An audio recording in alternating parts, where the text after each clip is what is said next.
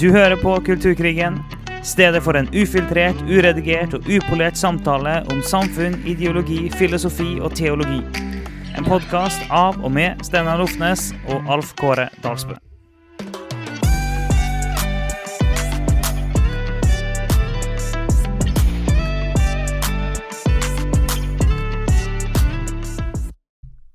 Velkommen til Kulturkrigen. I dag så har vi en eh, herlig gjest med oss, som er jo en god venn.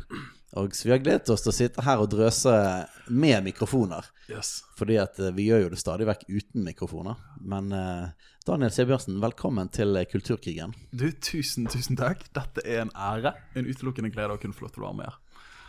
Yes. Altså, det, det, vi har jo vi har jo leket med tanken på før at samtalene mellom oss tre burde vært tatt opp. Virkelig. Så det, det er det første gang vi gjør det nå, men det blir definitivt ikke siste. Helt sant. Og jeg tror jeg, jeg har hatt med begge dere to i mine podkaster. Så dette har vært noe. Det har det. det, har har, det. vi har tatt opp noe. Vi har tatt opp noe. Ja. Men det er ikke rent sjelden man går tur og sier man er et podkastøyeblikk. Ja, det er Det har vært et begrep i flere år. Ja, nei, men Vi har jo masse spennende ting å gå inn i, og vi regner med at det blir mange rabbit holes og uh, ting som vi ikke har planlagt. Men en, eh, et sånt begrep vi har brukt mye i denne podkasten, det er det med å ha bibelske briller. Eller en bibelsk virkelighetsforståelse. Å lære å tenke kristent. Og klart det er jo noen som fortsatt er litt støtt over at vi er så tydelige på at, at det er visse ting en kristen kan tenke, og ikke. Men eh, det hadde vært gøy å begynne litt der. Men, eh, men nå tar du bare for gitt at alle vet hvem Daniel er, da. Oh, ja. Det er alltid denne presentasjonen. Ja, ja. Du er jo den som er mest pastoral av oss. eh, Nei, det, til, å- det, alltid begynne med det, barn. det, vil jeg, det vil jeg ikke ha på meg! Pastoral, du, Alf. Det er som jeg kjenner deg. Jeg tror i alle fall det er ganske mange ganger i den podkasten jeg har begynt på en sak. Jeg tror det skjedde med han der eh, med Rikard òg. Ja, det At gjorde jeg begynte rett på sak, og så, og så måtte du ha- hale oss inn igjen.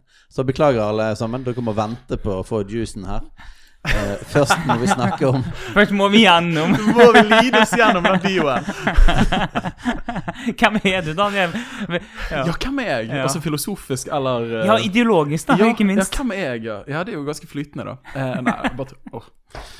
Eh, du, hvem er jeg? Eh, jeg kan jo, Du må jo bare si hvis det er noe spesielt du har lyst til å vite. Men jeg heter Daniel, rukket å bli 30 år gammel. Eh, gift med Helene, hun er òg 30 år gammel. Eh, født i 92. To barn sammen uh, utenfor magen. Uh, men vi tror jo det er liv fra unnfangelsen, så fikk lagt den inn der siden vi er i denne podkasten.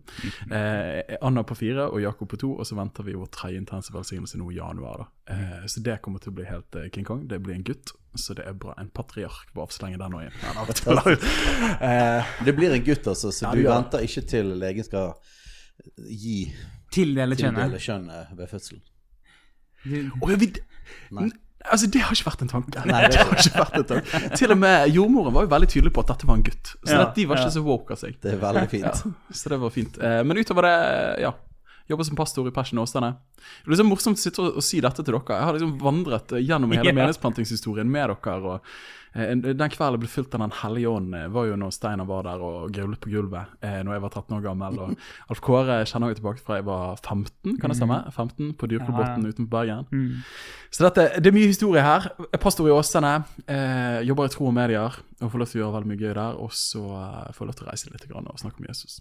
Ja, og så har, Du har jo podkasten Liv og lederskap, Mm. og du drev òg Preach-podkasten. Du har lest en bibel på podkast. Du må jo si noen ord om den tingen òg, da. Ja. Eh, det går jo inflasjon i podkaster etter hvert. Mm. Det er jo ingen tvil om det. Eh, så det eh, men eh, liv og lederskap er jo hjertebarnet. Det begynte for litt over tre år siden. Sikkert tre og et halvt år siden nå. Der har jeg lyst til å sitte meg ned og snakke med en kristen leder hver måned. Vært kjempegøy. Begge dere to har vært gjester der. Eh, den har fått god mottakelse gjennom mange år. Og det er jo egentlig et veldig egoistisk prosjekt, for at jeg har lyst til å snakke med ledere. Og min erfaring det har jeg sagt til mange, er at hvis du spør om du får tid med leder, så får du gjerne ikke svar. Men sier du kan jeg få lov til å ta det opp og legge det ut, så sier de når skal vi møtes. Eh, så dette Jeg har fått komme til mange folk jeg ser opp til, da. Men kanskje den gøyeste podkasten. Jeg pleier å si at jeg har produsert den viktigste podkasten i mitt liv allerede. Og det er Bibelpodkast. Kjempeprosjekt. Begynte under korona, løpte på fjellet. Var lei av å høre andre sine tanker om bibelteksten. Hadde lyst til å høre bibelteksten sjøl. Søkte den opp på Spotify og iTunes. Det var ikke gratis tilgjengelig. Og så tenkte jeg kan vi bare lese det inn, eh, og så får vi det ut. En crazy idé. Eh, og så ble det grønt lys i alle instanser. Eh, og så har jeg fått lov til å bruke arbeidstid på det. Så det er utrolig gøy. Over 400 000 nedlastninger der, så det har vært veldig gøy. Og så slapp vi nå forrige fredag GT. Mm. Så dette overalt hvor jeg kommer. Eh, det er faktisk ikke en overdrivelse. så kommer mennesker bort og takker for at nå får de høre Bibelen. Uh, og fikk, jeg, fikk, åh, jeg skulle nesten lest den for dere, men jeg fikk den skjønneste tilbakemeldingen forleden. Der var en dame som skrev at uh, jeg har kjøpt en lydbok eller lydbibel før, men jeg klarte ikke å høre på han, for Jesus var så sint der. Men nå kjenner jeg igjen min elskede, skjønne Jesus. nydelig. Wow. ja, og masse emojis. Og det, var, så- åh, det var derfor vi gjorde det! Det Men det var vel det. Ja, det var Bibel bergensk. Jeg ble slaktet i Vårt Land da han kom ut. da Jeg må husker bare det. få Jeg husker lagt ut det du har sagt. da Ja, det fikk ikke med meg. Hva, det var, det var? De skrev først en veldig fin artikkel. Ja, ja. Og så spurte de hvorfor tilgang til alle filer. Så tenkte jeg oi, de har lyst til å høre Bibelen min i vårt land. Eh, eller ikke min bibel, Guds ord. og så tenkte jeg dette blir sikkert en spennende sak. Og så har de sendt det til en sånn her kulturkritiker. da. For, for eh, Bibelselskapet hadde nettopp sluppet NT på nynorsk den høsten. Så skulle de sammenligne nynorskoversettelsen med min bergensversjon.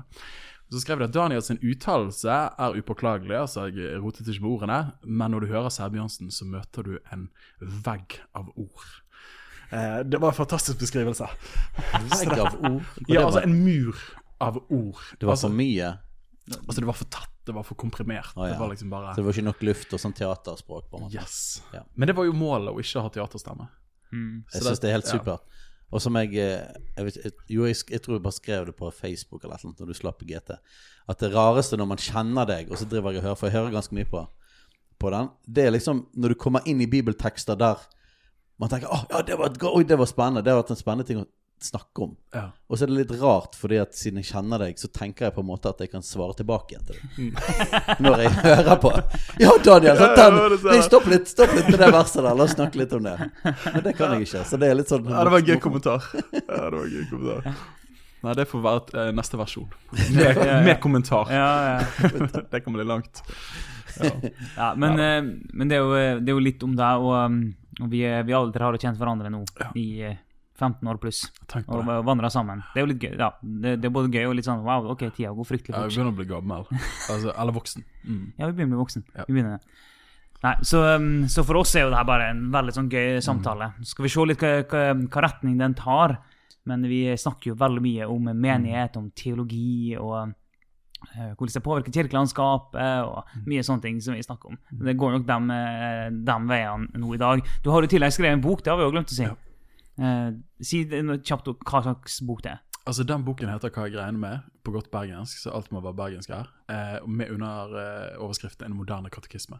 Og Det er jo den drivende patosen at vi trenger å oppdra den kommende slekt i den kristne forsakelsesro. Man trenger å kunne si som eh, Paulus sier 2. Timoteus 1.12, 'Jeg vet hvem jeg tror på'.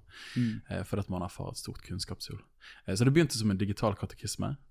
Og så eh, så vi på manusene og så tenkte vi at dette er jo altfor bra. Eh, så dette må bli en bok òg. Og så er det ganske lett å gi ut bok. Eh, er min erfaring, da. Mm. Ja. Og det har vært et eventyr. Jeg har møtt så mange vakre mennesker. Og fått skrive signatur. Så det, jeg har aldri følt meg så mye som en kjendis som de siste tre månedene. Hei, konge. Så Altså, jeg har merket at nå eh, har det gått syv minutter, og eh, du, nå er vi ferdig med introen akkurat. Og nå er vi tilbake igjen til der jeg begynte. Ja. Så nå kan vi gå tilbake til spørsmålet. Jeg er tydeligvis altfor rask. Jeg må prøve å lære av dette her. Bare hold igjen. La Alf Kåre komme med introen først, før vi går inn på sakene. Så tilbake igjen til det. ja. Bibelske briller snakker vi mye om. Mm. Kristen virkelighetsforståelse. Og det, og det treffer en del inn i den boken du har skrevet òg. Mm. Eh, der du faktisk har eh, snakka litt om dette her. At liksom den dypeste formen, si, nivået av disippelgjøring, Mm. er når man har en kristen virkelighetsforståelse, en kristen tenkning. Um, så det hadde vært litt spennende å bare snakke litt om hele den pakken der. Hva betyr det? Hva betyr bibelske briller? Hva betyr kristen virkelighetsforståelse? Mm. Har lyst til å begynne, Daniel? Si litt om dine tanker koblet med boken? Du, veldig gjerne. Eh, jeg må jo si at eh, bare sånn innledningsvis at det, det jeg syns har vært utrolig gøy med denne podkasten, at det ikke bare er en idéhistorisk reise, som jeg synes er utrolig interessant i seg sjøl, for de av oss som elsker sånt, og nødvendig å vite det, men det å kunne få lov til å parere med hva er det og den kristne refleksjonen rundt disse tematikkene her, eh, det tenker jeg er det som virkelig gir denne podkasten skikkelig verdi. Og jeg møter jeg må jo bare si det, jeg møter folk veldig mange steder. Eh, som enten sier det høyt, eller hvisker det jeg hører på Kulturkrigen. Eh, Det er litt Så sånn, er er det litt sånn kontroversielt å si at man det er det nye. Ja, det er Det er det nye. Er du en sånn kulturkrig-lytter? Kanskje vi burde ha et sånt tegn som man kunne gi Ja, hvis, man, hvis man var litt fisk, men hva skulle det vært for noe? Nei, men du, eh, Det å ha et kristent sinn, da. Eh, altså Min favoritteolog det har jeg sagt mange, mange anledninger, er John Stott. Eh, han har betydd mye for meg eh, i det å forme min kristne tanke, eh, og hvordan tenker kristen rundt mange ting. Og Han lanserte det begrepet i, mye av det han har skrevet, det å ha et a Christian mind. da. Og Første gang jeg leste det, så syntes jeg det hørtes litt sånn her unaturlig ut. Det å ha et kristent sinn, hva er det for noe? Hvordan ser det ut, liksom? Eh, og så forsto jo jeg, og det refererer han til òg, men han tok det fra en som heter Harry Blameris, som A Christian Mind, som skrev en bok som kom ut i 1966, hvis jeg ikke tar feil. Eh, som var en litt sånn hype-bok i sin tid. da. Men der begynner jo han hele boken med første setningen er vel 'There is no longer a Christian mind'.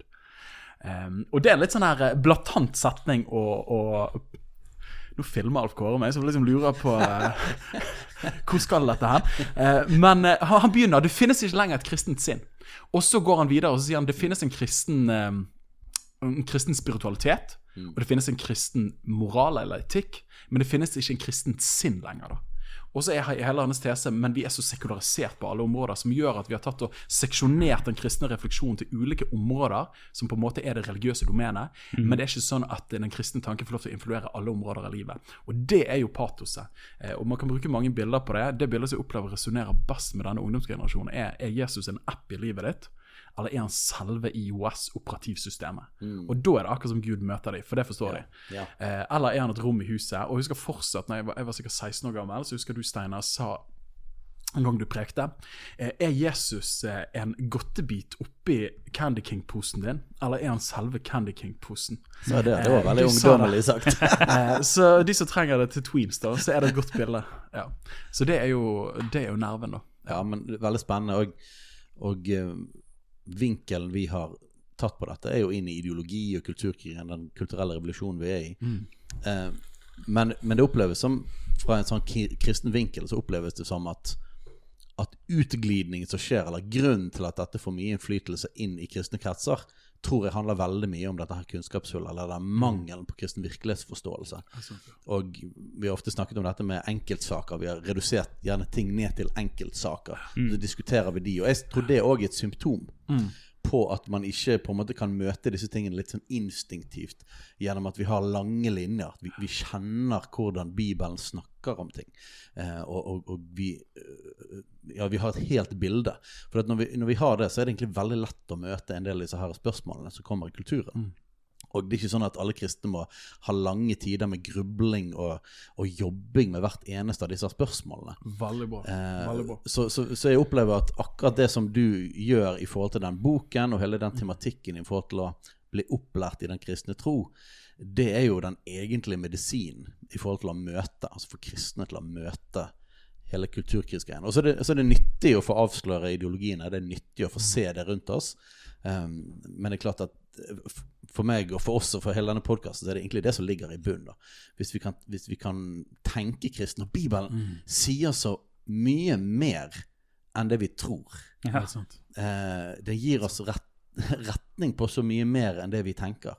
Eh, og, og så det er et begrep som ble brukt i mange år, var det at eh, vi kan liksom ikke stå på Stortingets talerstol og sitere Bibelen.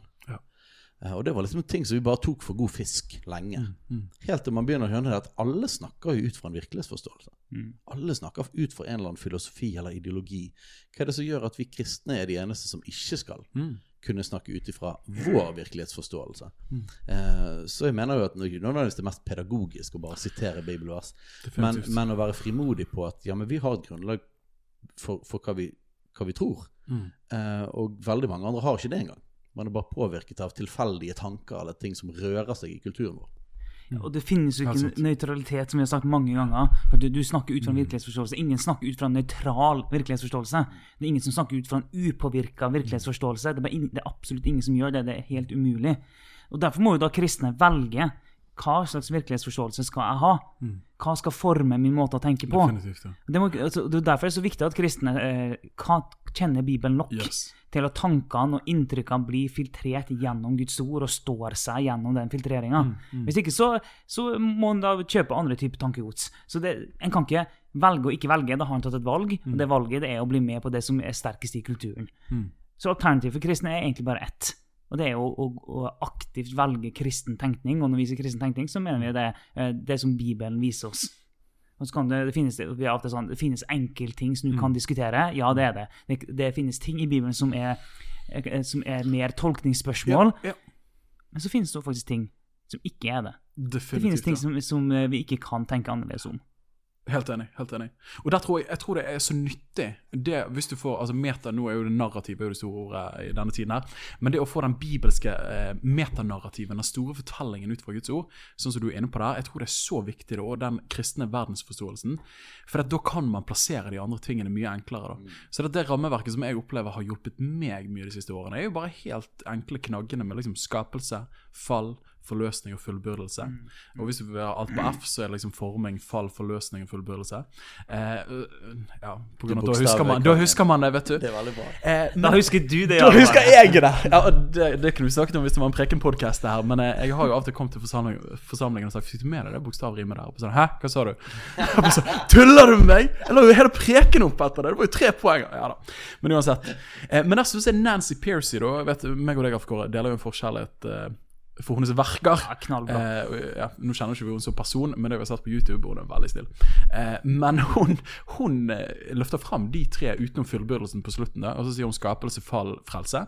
Og så sier hun at alle ideologier kan egentlig plasseres inn i det rammeverket. der. Så tar du marxismen, så handler det òg om det. Altså Det finnes en, en utopia tilbake i tid der alt var fantastisk, og så kom det et fall der noen begynte å utnytte de svakere, og så fikk du en uh, elite. Og så er frelsen, da, det er jo denne revolusjonen der vi bryter den symbolske overbygningen, og så får basis komme opp. da. Ja, jo- det er jo kan- kommunismen, det er liksom himmelen. ikke sant, ja? Mm. Og du kan plassere alt inn. Og jeg synes, i det jeg fikk det rammeverket der, så er det bare sånn genialt, liksom. Jeg kan plassere alle ideologier inni der. da. Mm. Ja. Kunne ikke vi snakket litt mer om det? Det hadde vært spennende å bare gå litt inn i. For jeg syns det er en fryktelig god, en god måte å teste ting på. Og Ja. prøve ting på. Og se parallellene da, i forskjellige ideologier. Og på en måte se hvor er det vi har kjøpt um, en annen ideologis forklaring Ja. på dette problemet. Det er eller på løsningen. Eh, og, og, og hva er egentlig Bibelens løsning? Vi, vi begynte jo podkasten ganske tidlig med å snakke om marxisme. Ja. Og for å bruke litt det her eh, punktet her, da, så er det bare sånn Hovedproblemet mitt med marxismen eh, er at hvis du har feil diagnose, så får du òg feil løsning. Og når, når hvis, hvis, hvis problemet er klassekamp, eller problemet er eh, undertrykker og undertrykt Altså det er hele, liksom hele Problemet i hele verden er at det fins en kamp mellom, mellom de som undertrykker og de som er undertrykt. Så hvis det er sånn du tenker, så vil det dra deg til visse typer løsninger. Mm. Men, men så er jo spørsmålet, da, for å bruke hele den greien Er det sånn Bibelen beskriver? Mm. Er det, det er sånn Bibelen beskriver det store problemet? Eller er det sånn Bibelen begynner ikke med problemet, det kommer i kapittel tre, men det begynner først med originalen. Så, sånn, hvordan ble det skapt, eller hva er rammene fra skapelsen? Og da toucher det for så vidt inn i postmodernismen, så sier det at det fins ingen sånn ramme eller en sånn skapelse. Så det hadde vært litt spennende å bare snakke oss litt mer gjennom alle de tre. Hva er det, hva er det Bibelen faktisk sier er utgangspunktet, problemet som kom, og løsningen også. Fullbyrdelsen. Vi kan ta alle de, alle de fire. Kan sikkert begynne, begynne på R-fag. Fantastisk. Takk. Det er en gest, ja. Nei, men jeg synes, Der tror jeg eh, I hvert fall når vi snakker om seksualitet og de tingene der Nå skal ikke jeg hoppe bort fra temaet ditt, men der har jo mange kritisert oss kristne for at vi har et negativt fortegn når vi snakker om disse tingene her. Og der tror jeg av og til Jeg tror jo i møte med kulturen vår og strømninger, så har jeg prøvd å tenke i mitt hode sånn en kritisk kontekstualisering. Vi må applaudere det som er bra, for det er ikke alt som er kjipt. Men der har de ofte kritisert oss for måten vi snakker om sex på, tilnærmingen. Og det tror jeg faktisk de har litt rett i, for vi har begynt i kapittel tre i første Mosebok Ja. og snakker om synd, istedenfor å snakke om skapelse først. da. Altså, og, og den kristne fortellingen er jo at vi har et positivt fortegn til disse tingene her. Eh, så dette, det å snakke opp Så jeg tror skapelse, og det har vi vært inne på, det har dere snakket mye om i podkasten her, og det er jo på en måte medisin til mange av de strømningene vi ser her. Men at det finnes en skapelse, og den er veldig, veldig god i utgangspunktet. Ja. Gud så at det var godt. Det er jo en av de tingene som preger uh, første kapittelet i første Mosebok. Altså første, liksom, Det aller første som står i Bibelen, er om at Gud skapte det, og så skapte han det, og så skapte han det, og forskjellige dager og forskjellige ting. Og så sier han alltid på slutten at Gud så at det var godt, og Gud så at det var godt. Og så pleier jeg å si på, på den siste dagen så, Og så sier, sier han at uh, Gud så at det var overmåte godt. Eller på bergensk sykt bra. Sinnssykt bra. Det var, helt, det var utrolig bra. Uh, og, og det at måtte ha, ha det som utgangspunkt er at ja, Gud har skapt, men at alt det Gud har skapt, og alle rammene han har skapt Han skapte f.eks. dag og natt. Det er en sånn ramme for tilværelsen. Uh, alle rammene han har skapt, det er godt. Når han skapte mennesket Gud skapte mennesket i sitt bilde. Sant? Til mann og kvinne skapte han det. Det betyr at det er godt. Det betyr at, at mennesket skapt i Guds bilde. Det er bra. Eh, det sier noe om verdien vår. Det sier noe om at eh, mann og kvinne er bra. Det er bra å ha den Ja, todelingen. polariteten der. Sant? Ja, ikke og ikke uttrykker bildet av Gud. Jepp. Gud sa det var godt, da. Så det er utgangspunktet vårt hele tiden. Sex ligger jo inni der i forhold til mann og kvinne og familie, helt fra starten av. Og, Altså, ja, så det er en del av pakken. Dette var godt. fruktbar og bli mange. Yes. Altså Gud sier jo 'ha sex'. Ja, ja. Det, og det er jo noe av det gøye når du reiser rundt og snakker til ungdommer. Er du klar over hvem er den første som ga imperativ til å ha sex? Det er Gud, liksom. Og de bare nei, er det sant? Bare Gud elsker sex.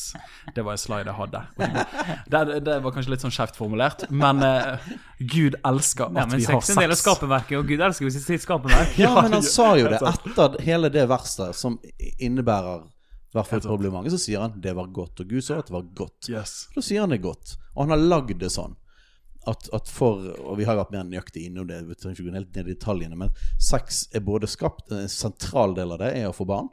Eh, helt fra starten av. Uløselig knyttet til kjernefamilien, mann og kvinne, det å få barn. Um, men så ser vi òg at det ikke er utelukkende for å få barn.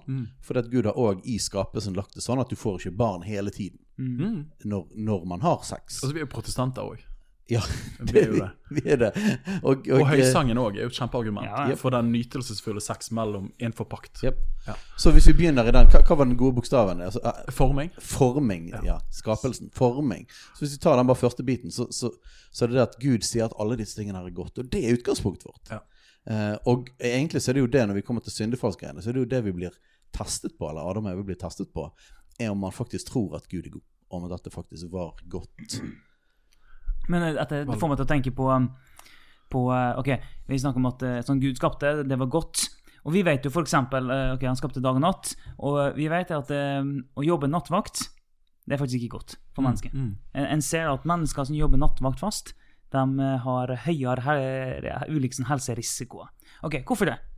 Jo, fordi vi er skapt til å sove på natta. Mm. Vi er ikke skapt til å arbeide på natta. Og Så vet vi at mennesket er trives best sånn rundt 20 grader. Mm. Det vet vi. Adam og Eva var jo naken, så det må jo vært eh, kan- kan- Kanskje det var 24 grader, jeg vet ikke. Oh, dette er en spennende teologi, Alf. ja! ja, det tenkte ikke jeg på.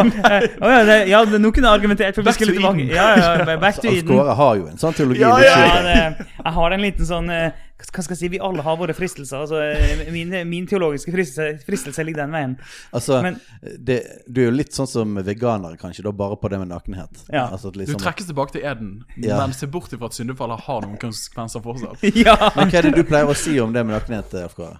Nei, altså, jeg prøver jo å si at jeg går med klær for andres skyld, jeg. Ja, Men, det- men det, det, det er en solid avsporing her nå. Syns det var litt vakkert. Jeg kan du få ja. utbruddet? Nei da. Nei, det, det, jeg tenker det, Nei, vi går ikke lenger inn i det nå. Men poenget mitt da, var det Ok, eh, sånn at, og det er en del sånne rammer. Ok, det, det er ikke godt for oss å jobbe på natta, vi trenger å sove, bla, bla. Arbeid, òg, ikke minst. Ja, ja, det, ja, det er jo en sånn ting. Ja. Men poenget mitt er at vi aksepterer de rammene. Og tenker at ja, selvfølgelig er det sånn.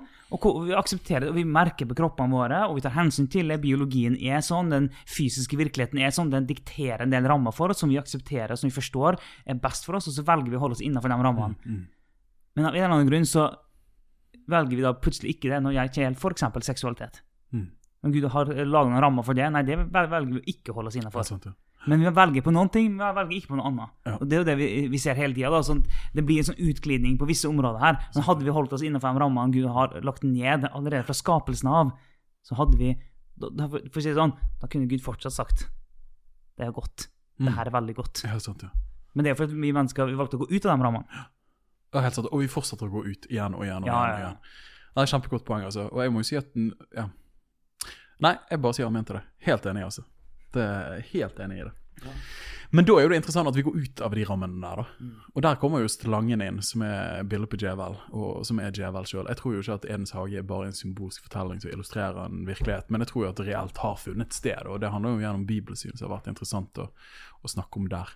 Men han kommer og må inn sier på etter Ikke sant, ja. Har Gud virkelig sagt Og der syns jeg du sa det bra, Steinar. At er Gud virkelig god? Kan jeg stole på han da?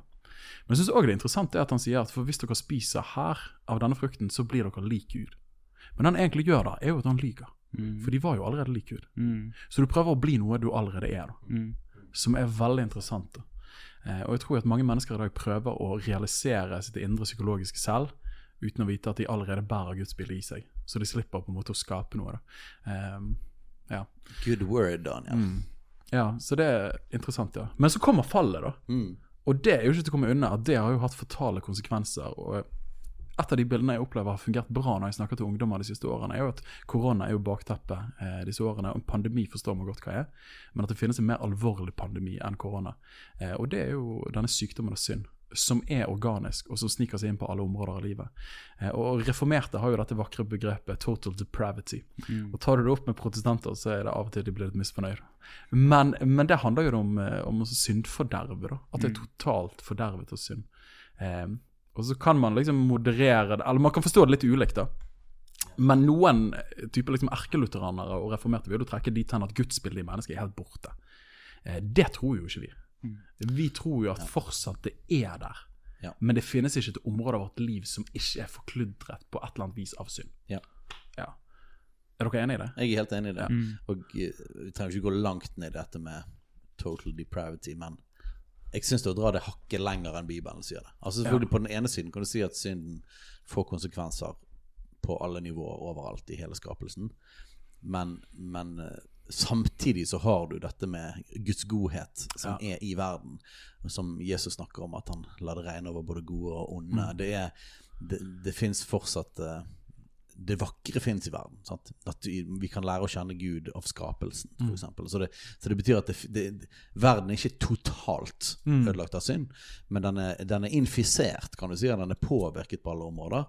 Eh, men det er klart at vi fortsatt kan vi smake Guds godhet i verden, og mennesker som bare det å puste og leve og spise mat og eh, ha et liv og ha en familie og oppleve kjærlighet, er jo en del av den gode skapelsen som Gud har skapt. Men samtidig så er det, er det ødelagt. Det er, ikke, det er ikke sånn som det var ment til å være eh, før syndefallet. Helt sant. Det, og, og man kommer ikke unna det. Jeg opplever at det er litt sånn livsfornektende hvis man tror at alt er fordervet og mørkt. Så er det sånn, ja, men du kjenner jo glede av og til. Er det syndig, liksom? Eller du syns naturen var fin? Er det kjipt? Nei, så dette vi, vi kan ikke trekke det helt ut der, på en måte. Da gir vi djevelen mer enn det han fortjener. Ja. Men, men Gud er fortsatt herre. Han er fortsatt himmels og jordens herre. Det er han som skaper og opprettholder alt liv. Så det at Gud har ikke trukket den alminnelige nåde bort. Altså Det er fortsatt store tegn av Gud i verden. Eh, så det tror jeg veldig på. da. Ja. Men fallet Her kan jo vi bevege oss inn i alle ulike samtidsproblematikker. For dette det Ja, påvirker jo det, har- Ja, altså, det er årsaken til det meste. Det er det jo, da. Ja, ikke sant? Ja, ja, ja. Ja, og for oss, for oss er det jo sånn at syndefallet, sammen med djevelen, da, som er på en måte en slags eh, personifisering av ondskapen sant? Vi, vi, tror jo at djevelen faktisk er et ekte vesen. Men synden og djevelen virker jo sammen. Så syndefallets konsekvenser, og så har du djevelen som Jeg pleier å si det sånn at hans, hans jobb er å kaste bensin på bålet, kan du si. Em, det er jo forklaringen på ondskap uh, i, i de kristne, den kristne virkelighetsforståelsen. Uh, og da er det jo interessant å, å, å se, da, hvis du skal det, Vi tok utgangspunkt i dette med at alle ideologier har en historie som, uh, Som som har disse samme Ja, elementene. Og jeg nevnte marxismen, som, som da, hvis du skal koke ned hva er det Marx tenker er liksom Hva er syndefallet? Så er det vel på en måte undertrykkelse, eller urettferdighet, eller ulikhet, på en eller annen måte. Klassisk marxisme handler om, handler om eh, arbeiderklasse, eller på en måte økonomi, mens nyere varianter, både ny marxisme og den nye woke-greien, da handler det jo på en måte forskjeller på alle mulige slags områder. Eh, Rødt sitt, Hvis du går inn på Rødt sin eh, Vi nevner ofte røtter som eksempler på marxisme. Ja, det er det nærmeste vi har. jo det, er jo, det er jo sånn, sånn er det bare. Eh, hvis du går inn på websiden så ser du at eh, Kamp mot Forskjells-Norge Så forskjell er på en måte det onde, på en måte. Det, er, det er det som er roten til alt ondt, og er det fæle vi må kjempe imot. Og, og det preger jo ekstremt mye hele denne kulturkrigen, som er på en måte preget av marxismen og har andre strømninger i seg. Men dette med at ulikhet, eller å være marginalisert, eller sånn, det er på en måte Det er det onde, da. Og det er det, det som må fikses på. Mm, mm. Eh, og så er ikke vi glad i det, men vi tenker at det er ikke det som er roten. Vi, vi tenker at synden er roten. Og så får det masse alle mulige slags konsekvenser, annet undertrykkelse eh, og ulikhet. Men det er klart at hvis, hvis du har en annen diagnose på hva som er den, den originale synden, Mm.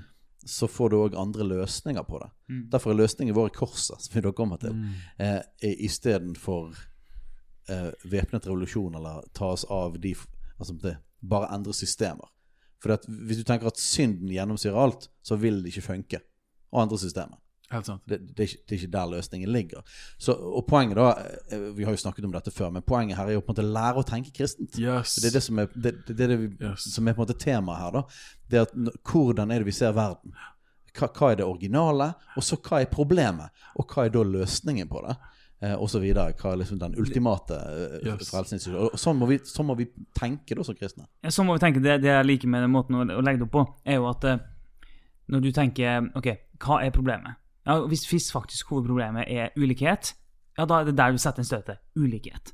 Men hvis problemet faktisk er synden, som vi tenker Problemet er syndefallet og synden. Alt kan spores tilbake dit. Alle problem kan i utgangspunktet spores tilbake dit. Hva er løsninga på synden og syndefallet? Det er korset. Det er evangeliet. Så dermed, Med en sånn måte å tenke på, så blir svaret alltid korset. Svaret blir alltid evangeliet. Sånn som vi alltid sier på tull, men som vi mener likevel. I- Jesus er svaret. Hva er spørsmålet? Nei, men det er bra sagt. Altså det er bra sagt, og Mer enn at folk bare tagget det på vegger på 90-tallet, så er det faktisk helt sant. Ja, ja. Og Det slår meg av og til når du har en marxistisk tilnærming til virkeligheten. Jeg syns det er så monokausal, ikke det fine ordet? Altså Det er så enkel årsaksforklaring på hvorfor alt er forferdelig. Og så går du til andre ideologier. Jeg syns av og til det blir så skremmende banalt. da. Kan du plassere hele din virkelighetsforståelse på denne enkle årsaksforklaringen? Synes det virker så underlig, da. Men der synes jeg faktisk at når vi snakker nå, så bare slår det meg at dette rammeverket med skapelse, fall, forløsning og fullbyrdelse noen vil jo anklage kristne for at vi er naiv enkle, men jeg opplever at faktisk dette er en dypere analyse som tar inn over seg at marxismen er faktisk helt korrekt, at det var noen arbeidere som ble undertrykket. Helt korrekt. Men så kommer det òg Rousseau. jeg synes, eh, bare Mens vi snakket nå jeg synes, eh, Han her Carl Truman har betydd mye for meg, og, vet, og for deg, Graf Kåre. ja. Eh, men han sier jo at mye av det vi erfarer i dag, kan spores tilbake til romantikken og Jean-Jacques Rousseau. Eh, og hans tanke i The Social Contract, så sier han at man is born free, skapelsesberetning, but everywhere he is in chain. Så hva er det som har, hva er fallet? Det er institusjonene, det er dogmene, det er det voksne samfunnet og eliten som har undertrykket det naturlige barnet på innsiden. Det er fallet. Hva er frigjøringen da? Er at vi må få bort disse tingene her, og så får du barnesentrert pedagogikk, der unger kan gjøre hva de vil, for da får de lov til å finne tilbake til skapelsen. da. Det passer rett inn i det rammeverket, det òg. Ja. Men den kristne fortellingen anerkjenner jo òg at institusjoner har ødelagt en del av det mennesket var skapt til. Det kan jeg være helt med på. Så det er akkurat som jeg kan applaudere en del av poengene til mange av disse ideologiene, men de tar ikke det langt nok. Og, de, og de spiller på én tangent så lenge at det blir, altså en halvsannhet blir løgn, for dette er ikke hele sannheten. Ja, Spesielt fordi at løsningen da gjerne Når, du, når løsningen Du setter alt trykk inn på en, på en delvis sannhet, så ender du som oftest opp med å lage mer trøbbel. Eh, og, og nok en gang, det, det er enkelt å bruke marxismen som eksempel, men, men det har vært spennende å bare snakke, gå gjennom flere sånne, sånn som Rousseau og andre måter å tenke på. Bare for å avsløre litt dette og hele tiden speile det mot kristen tankegang. Men, men sant, hvis problemet er klassekamp, eh, problemet er bare undertrykkelse fra en klasse, men da er du bare fjerner den klassen. Mm. Så, du, så, så blir alt fint. Mm. Og så er problemet Ja, vi er enige i at, at, at undertrykkelse er fælt, men vi er ikke enige i at det er det egentlige problemet. Så, så vi, evangeliet forandrer menneskers hjerter primært, eh, ikke går primært på systemer. Men så da prøver man det, da. Ok, vi styrter systemet. Og så bare Oi! Problemet er ikke vekk. Eh, de nye som styrtet dette systemet, de blir undertrykkere sjøl. Hvorfor det, da? Nei, det, nei det, var ikke, det, var ikke, det var ikke ordentlig kommunisme. Det var ikke ordentlig sosial... Nei, det er ikke det som er problemet. Du driver og hamrer på det samme. Du tror at det er det som er greia. Nei, greiene er at det var mennesker. Det var mennesker som gjorde dette. Og hvis du gjør det i aggresjon, og du gjør det i hat, da spiller du på lag med synden. Du er på samme laget.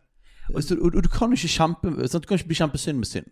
Nei, du kan ikke Og det får meg til å tenke på eh, det, Jeg husker ikke hvem sa det, men det som snakker om at problemet er ikke, er ikke liksom ondskapen som er går mellom mennesker, eller mellom folkeslag, mellom land. Sånn, men ondskapen den går liksom tvers igjennom mennesket. Ja, den går tvers igjennom hvert menneskes hjerte. Ondskapen går rett igjennom. altså. Det synes jeg faktisk Det er er, det er veldig bra sagt. For da tar du inn over deg faktisk hele eh, eh, fallet. Du tar inn over deg synden. At synden er i ethvert menneske. Mm. Så ondskapen ligger ikke eh, i ulike grupper, i ulike land, i ulike institusjoner. Ondskapen ligger faktisk i hvert et menneske som lever i synd. Det er der ondskapen ligger. Og det er jo derfor svaret er korset, evangeliet, frelsen, Jesus. At vi må overgi vårt liv til Han. Det er derfor, derfor er svaret en gjenopprettelse til det originale. Det er det som er svaret. Men, men hvis en da søker det svaret på alle mulige andre måter, med, med andre typer ideologier, så vil en hele tida komme til kort. For uansett om det er undertrykt undertrykker, de som da kommer, kommer til makten, det er de har fortsatt synd, synden i sitt liv, og så vil det bare gjenta seg. Og med andre typer ideologier så vil det samme skje igjen. Altså det, er jo, det vi snakker om her, er jo rett og slett altså det er jo symptombehandling man holder på med. da. Som er helt korrekt. Dette er et symptom. Så det er faktisk ikke bra. Vi er helt enig i det. Men det er òg et symptom. Det betyr at det er en årsak som er enda dypere. Og det syns jeg dere har klart å få glitrende fram i denne podkasten at det er indrende anliggende mer enn eksternt anliggende. da. For det er synd. da. Og der mener jeg at den kristne fortellingen faktisk bør få mye mer kudos i vår samtid. For dette ja, eller, kjenner- Det var litt sånn understatement. Var så, så, klart, vi vil folk skal bli frelst. Men, men jeg opplever at den kristne forklaringen stikker enda dypere. Ja. Altså Det er ingen naiv tilnærming. Tvert imot så lodder vi faktisk enda dypere. Vi stiller en diagnose som faktisk går til årsaken, da, som er synd. Men det er plutselig ganske ubehagelig. For jeg kan alltid kjempe en fiende på utsiden. Men med en gang fienden er på innsiden, altså meg, da har jeg jo et kjempeproblem. For jeg kan ikke bli frelst fra meg sjøl. Så at hvis ikke du har et kors og en frelser, så er jo du fordømt hvis du kjøper et kristent verdenssyn. For da finnes det ikke håp. Derfor er det mye enklere å skape et fiendebilde på utsiden. Så dette, og så Jeg skjønner at folk ikke vil ta det inn hvis de ikke vil tro på Kristus. Og eh, interessant, du nevnte Rousseau som Forenklingen av, av, på en måte hele hans filosofi da var på en måte at vi er født fri, men sivilisasjonen på en måte binder oss. Ja, Mennesket er godt i seg sjøl, men så blir det påvirka til å bli fælt og og, og, undertrykt. og løsningen er på en måte å bli frigjort som et slags, eh, eh, slags dyr. da Eh, på en måte eh, Som er fullstendig fri av all sivilisering, av all menneskelig. på en måte Det handler om undertrykkelse, det òg, sånn som Marx, men en litt annen type. Det er ikke så spesifikt. Altså Det er frøene til Marx, da. Ja, Uten tvil. det er det. Jeg tenkte å ta en annen, som, en annen tankestrømning som må påvirke oss veldig i dag, og det er Freud. Eh, og og koke ned noe av hans tankegang, som i alle fall er på en måte slått veldig an, er jo dette som har med på en måte undertrykt seksualitet. Um, og, og for han så handlet jo alt om det. Det var den store forklaringsmodellen. At uansett hva problem du hadde i livet, så var det en eller annen slags undertrykt seksuell greie. Er ikke det grådig forenklet? Kan dere skjønne liksom at man kjøper det? Altså Det virker så enkelt. da Ja, og, så, og nok en gang, for alle disse tingene har jo sant, De har frø av sannhet. De har delvise sannheter. Klart, klart det kan være dype ting, og vi tror jo på at Han, han snakker jo en del om dette med mor, mor og far, morspill og farspill. At, eh, klart han toucher innom ting der.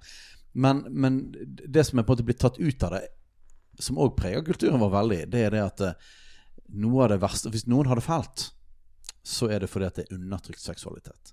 Og dette er jo da på høyeste nivå. Jeg prøver å ikke nevne Trettebergstuen i hver eneste podkast, men det, hun har jo gjort seg sjøl til symbol for kulturkrigen. Um, men, men hun snakker om dette. I det intervjuet som vi har gått litt gjennom uh, når hun var i Dagen, så snakker hun om dette at, sant, at det å være seg sjøl og frigjort seksualitet, det er basically det hun snakker om. Det at du ikke trykker ned den du er, eller du trykker ned din seksualitet. For det fører til Og hva, hva er det som blir sagt i dag? Selvmord. Man drar alltid fram selvmord. Hvis du trykker ned seksualitet, enten det er eller kjønnsidentitet eller alle mulige varianter av seksualitet, det fører til depresjon, det fører til problemer, det fører til selvmord, psykisk helse osv. osv. En statistikk som jeg mener er tuklet med på det groveste. Det er jo altså Seriøst, hvis du går tallet etter ligningene, så det er jo faktisk ikke sant. Nei, det er ikke det det. er. Og, og eh, veldig mye av denne statistikken, f.eks. når det gjelder eh, ja, Vi skal prøve å holde oss unna transdebatten for mye i denne podkasten òg, men, men, men det er noen av de som bruker dette med selvmord mest av alt. Men i hele Pride-greia så bruker man dette med selvmord hele tiden. Og det er koblet på denne her tanken fra Freud om undertrykt seksualitet. Mye. Eh, og så videre da kjønnsidentitet. Men, men da blir det alltid snakket om at hvis det, selvmordsstatistikken blir brukt som at, at problemet er at det har vært kristenkonservative eller mørke menn eller et, et, et restriktivt samfunn som har hindret folk i å utfolde seg seksuelt, og derfor får de psykiske problemer.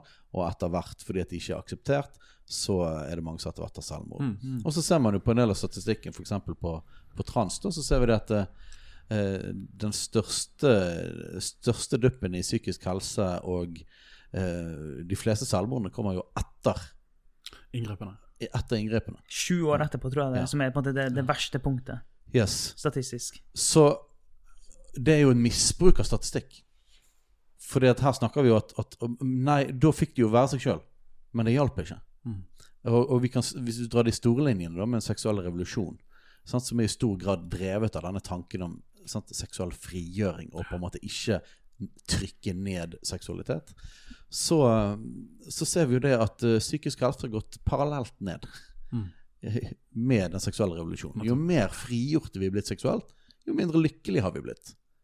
Eh, Det er kjempeinteressant. Og når man har reist rundt Eller når jeg har reist rundt og hatt foredrag om sex for unge mennesker, og så tar du baksiden av den seksuelle revolusjonen Altså statistikken med psykiske vansker altså i møte med altså utroskap Nå, nå husker jeg ikke eksakt tallet, men det lå på om de som erfarer å bli utro, at ektemaken er ut, utro mot dem, 62 sliter med psykiske vansker etter det. Skilsmissestatistikken. Så det baksiden av en seksuell revolusjon er jo bare helt enorm, da. Men det passer jo ikke inn i narrativet. Så det at vi kan ikke snakke om det. nettopp. Så, så man, man tviholder på, på, på Freud her, da. At liksom bare vi får frigjort seksualiteten. Så, så Hvis Så vi er kategoriske da med Freud, så skapelsen er at mennesker i bunn er skapt som seksuelle vesener, og de må få lov til å leve ut orgasmene sine akkurat som de føler for det. Fallet er at vi lever i et samfunn med normer som gjør at vi ikke kan få lov til å leve det ut. Da er frigjøringen, frelsen, Ja. bort med de normene. Men der kommer jo kanskje for dette, Hvis jeg har forstått Freud rett, han mente vel likevel at det er nødt til å være noen begrensninger for at Ja samfunnet skal fungere. Så får du sånn Wilhelm Reich, eh, så Han, han er ikke den som dro det der, men det er på en måte der det Ja, begynte. ikke sant det? Eh, Og han er mer balansert og drar flere andre ting inn i, men det er måte det var han som måte Yes. ble kjent for å lansere den tankegangen, og så har det blitt dratt videre. da Vi skal, vi skal gå litt eh, Vi snakket jo faktisk i, i går med en episode som kommer eh, om, fra Truls Meus Olufsen om, om litt om disse tingene her. Og dette seksualiseringen av samfunnet. For det, der ligger det en del ting. Så vi skal gå dypere inn i filosofene og sexologene og sånne ting. Så det, Ja. For det er en av de kraftige sånne strømningene. Da. Så det er, en, det er en veldig spennende ting. Men dette er òg en av tankegangene som jeg tror at hvis du snakker med mannen i gata Det er ikke sikkert de har resonnert veldig over det. Men gjennom filmer, gjennom på en måte det budskapet som er blitt pumpet ut i, i 50-60 år, så, vil, så tror jeg veldig mange vil skrive under på ja, å undertrykke seksualiteten det er noe av det verste problemet. Det, det er kjempefarlig. Og det er liksom nesten så Hvis du snakker om begrepet mørkemann, så handler det veldig mye om dette. Å mm. trykke ned seksualitet. Um, og interessant ting fra i går, faktisk, så eh, kom det jo ut uh, eh, et forslag Åh, Nå glemte jeg hvem- det var. Men eh, det, det er et forslag nå om å senke den seksuelle lavalderen. Det var justisministeren som kom med det. Det var Det var Mehl. Ja. Som eh, ned fra 16 til 15 år. Og det handlet jo om da eh, det å kunne uttrykke gjensidig uttrykke sin seksualitet. Og det, det, det klinger denne tankegangen igjen. Ja, ja. Om at, om at vi, må ikke, vi må ikke undertrykke seksualitet, så det er viktig at vi Her var det tydeligvis for mye ramme. Her må vi, her må vi ned til 15 år.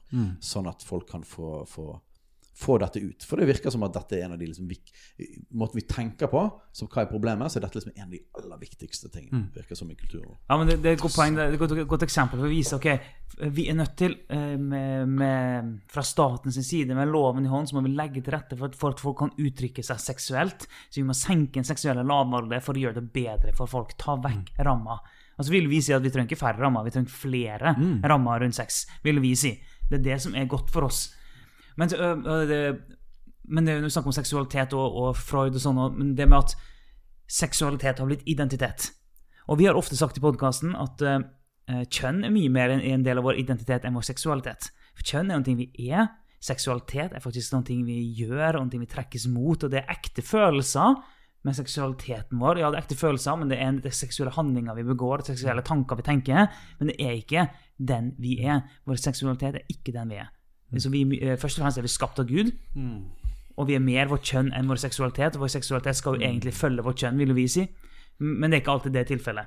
Um, men, så, men da, så lever vi da i et samfunn hvor vi er vår seksualitet. Og det er klart at hvis, vi det, hvis det er sant, hvis jeg er min seksualitet, i forlengelsen av det, så er jeg da mine følelser.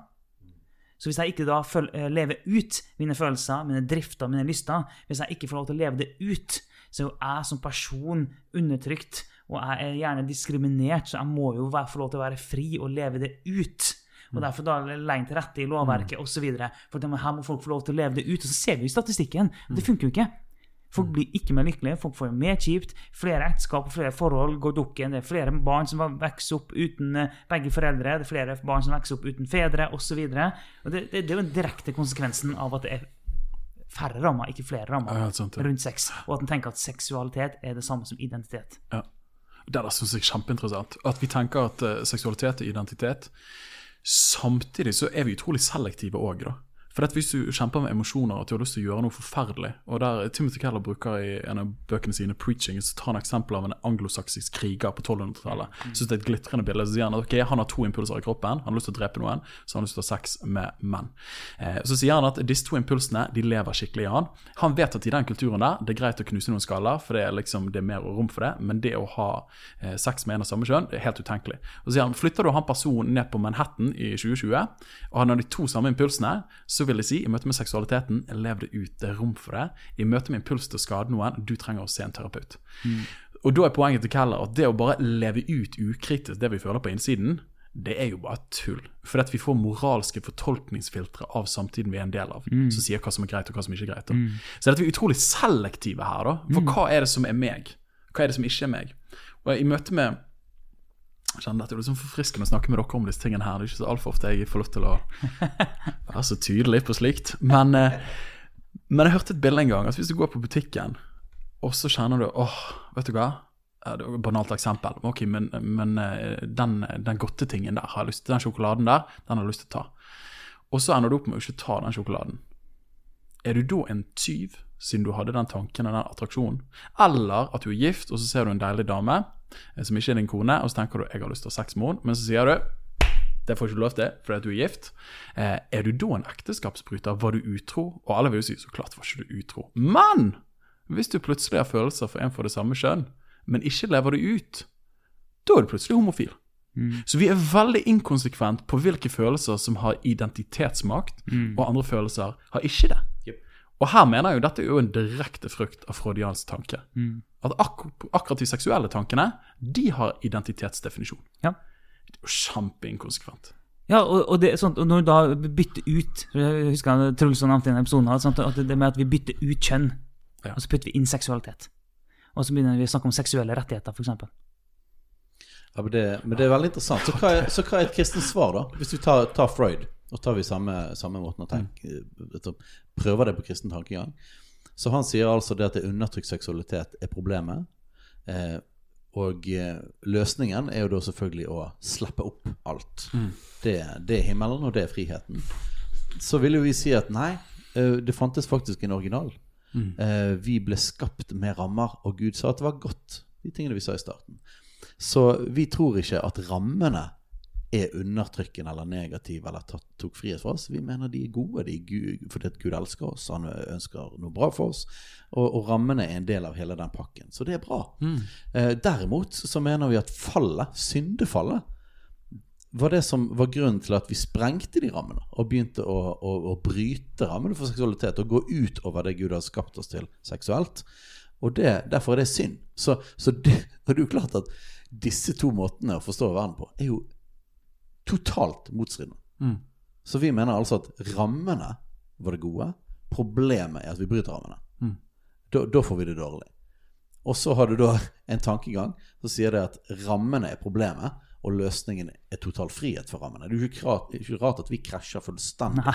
Mm. Men nok en gang så må vi da som kristne Vi kan ikke bare ta enkeltsaken, for det typiske da er vi gjør dette At, ah, Er det synd, eller er det galt å ha sex utenfor ekteskapet? Ja, så prøver du å finne sånn. bibelvers som sier at du ikke skal ha sex før du gifter deg. Yes. Og det er bare sånn, ah, Og så er det sånn Ja. Ja, vi kan finne bibelvers på de tingene. Vi kan snakke om enkeltsaken. Men viktigere enn det, så er det hele fortellingen. Hele den bibelske forståelsen av det.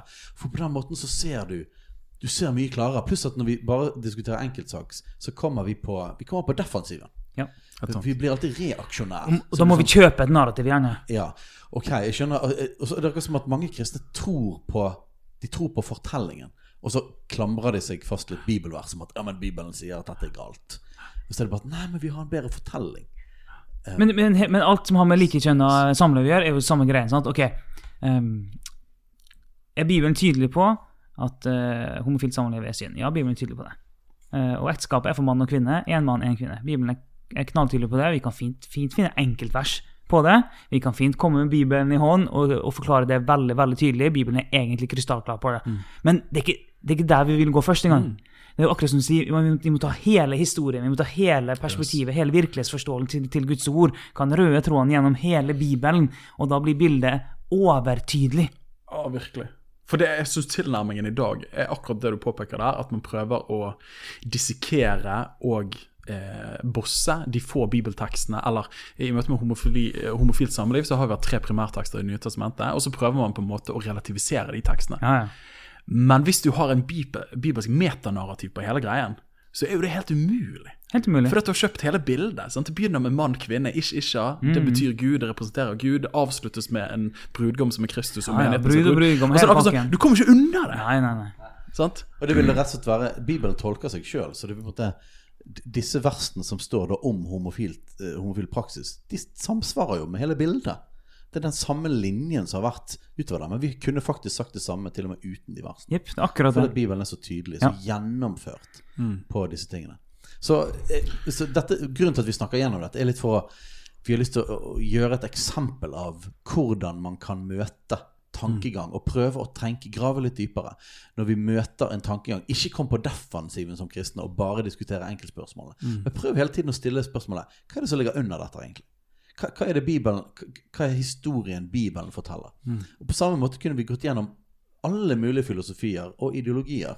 Eh, Og det er noen som er lettere enn andre, og ikke vi trenger på en måte som, som ikke har så mye traction i samfunnet vårt. Sant? Man kunne gått gjennom fascisme og nazisme. Vi hadde en episode der vi gikk litt inn på det, men det er ikke så mange som tror på den lenger. Men, men det har jo det samme oppdelingen.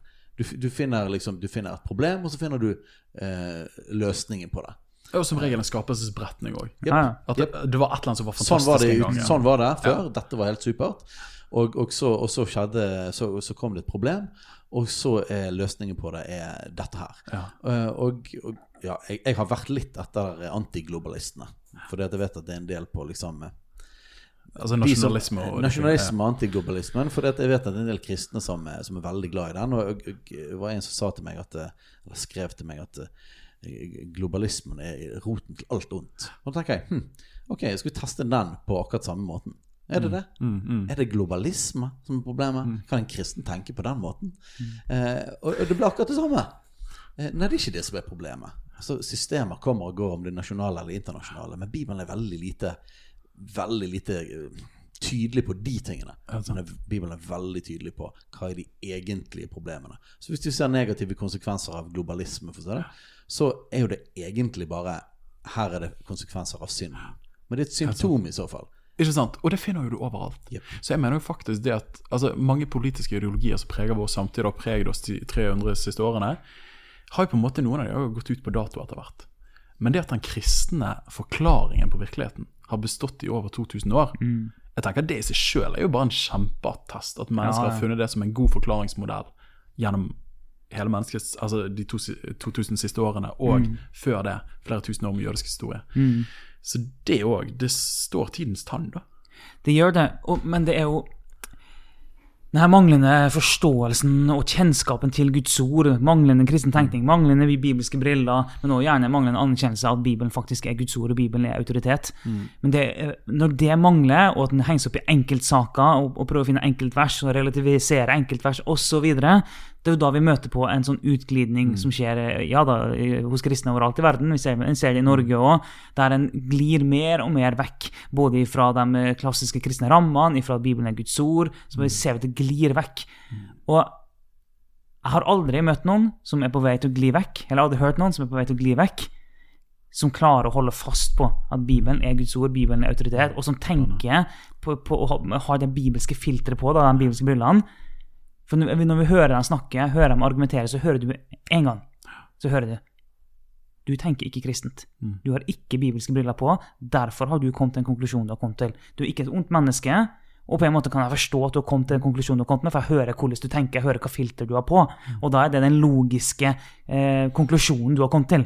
Det er faktisk logisk ut fra sånn som du tenker, men du tenker ikke kristent. Og det ser vi mer og mer i Norge i dag. Definitivt, ja. Det, ja. Er det sånn inn mot bibelsyn? Jeg, jeg, jeg, jeg, jeg har lyst til å ta det inn der. Ja, la oss gjøre det. La oss gjøre det. Bare eh, siste kommentar, da. Jeg tror det rammeverket der, for de som lytter inn, hvis man kan lære seg å tenke, da Skapelse, fall, frelse, fullbyrdelse. Og vi har ikke fått snakket om frelse en gang så mye nå heller. Eller fullbyrdelse. Men det mener jeg er noe av det som kan hjelpe mennesker mer enn noe. Og ikke minst hvis du erfarer at du har seksuelle impulser som er annerledes enn det vi tror er Guds gode skapertanke. Og der tror jeg vi alle kan si, og syns Espen Ottesen er flink å si det, at vi alle, selv vi som lever i heterofile ekteskap, selv om det er unødvendig å bruke det ordet engang ut fra et kristent perspektiv, eh, selv vi kan jo kjenne på impulser som ikke er, i tråd med skapelse. Men fullbyrdelse, det kommer en dag. Og eh, åpenbaringen 21, der hver tåre skal tørkes, hver sykdom skal opphøre, og hver smerte skal stoppe. Så vi har et håp for den midlertidige lidelsen vi erfarer. Ja. Og det er fantastisk. Altså, åh! We could preach der, altså. Men det gjør at vi kan holde ut at det ikke alltid er fullkomment på denne siden. Og vi trenger ikke å trakte etter utopia heller. For at vi lever mellom tidene. Men en dag skal jeg komme hjem. Ja, da vi lever jo allerede ennå ikke. Så la, la meg prøve meg på en eh, For å gå over til, eh, til bibelsyn, så la meg prøve meg på en oppsummering av hele den eh, hvordan er det en kristen tenker da, i Ja. forhold til alle disse leddene.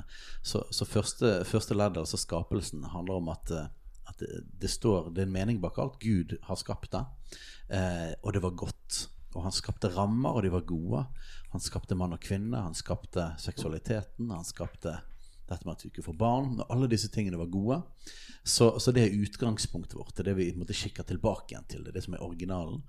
Og så det neste leddet er altså syndefallet, eh, der vi gjorde opprør mot Gud. Og der dette ble brutt av synden kom inn i verden. Og det ser vi på som problemet. Altså bruddet med det som Gud skapte, eh, og de rammene Gud lagde. Og å ikke ha Gud som høverste autoritet. Men eh, nå vil vi gå vår egen vei. Og det ser vi på som problemet hele tiden. Og alle andre ting, all ondskap, eh, alle vanskelige ting, det er en konsekvens, det er symptomer pga. det fallet. Og så er det da, siden vi ikke snakket så mye om de siste, og du var inne på det nå, eh, løsningen som vi kristne ser da, siden dette er, liksom- det originalen, og det var problemet, så er jo løsningen er personen Jesus Kristus, og at han døde på korset for å betale for all synd. Sånn at hvis man overgir vårt liv til han, og, og, og nå, det første man må gjøre er faktisk å erkjenne at vi trenger han. Jeg har brutt, jeg har brutt lovene. Jeg har brutt rammene. Jeg trenger tilgivelse. Jeg trenger nåde. Og så må vi si det at du, er Gud, du er Herre. Det er det motsatte av det som djevelen prøvde å få Adam og Eva til å gjøre. Han ville få de til å si at 'jeg er min egen herre', jeg vil gå min egen vei. Og så må man si vet du hva, Jesus, du er min herre. Jeg anerkjenner eh, at dette er rammene, at det er det beste for mitt liv. Og så får vi nåde, så får vi tilgivelse, og så tror vi på en indre forvandling.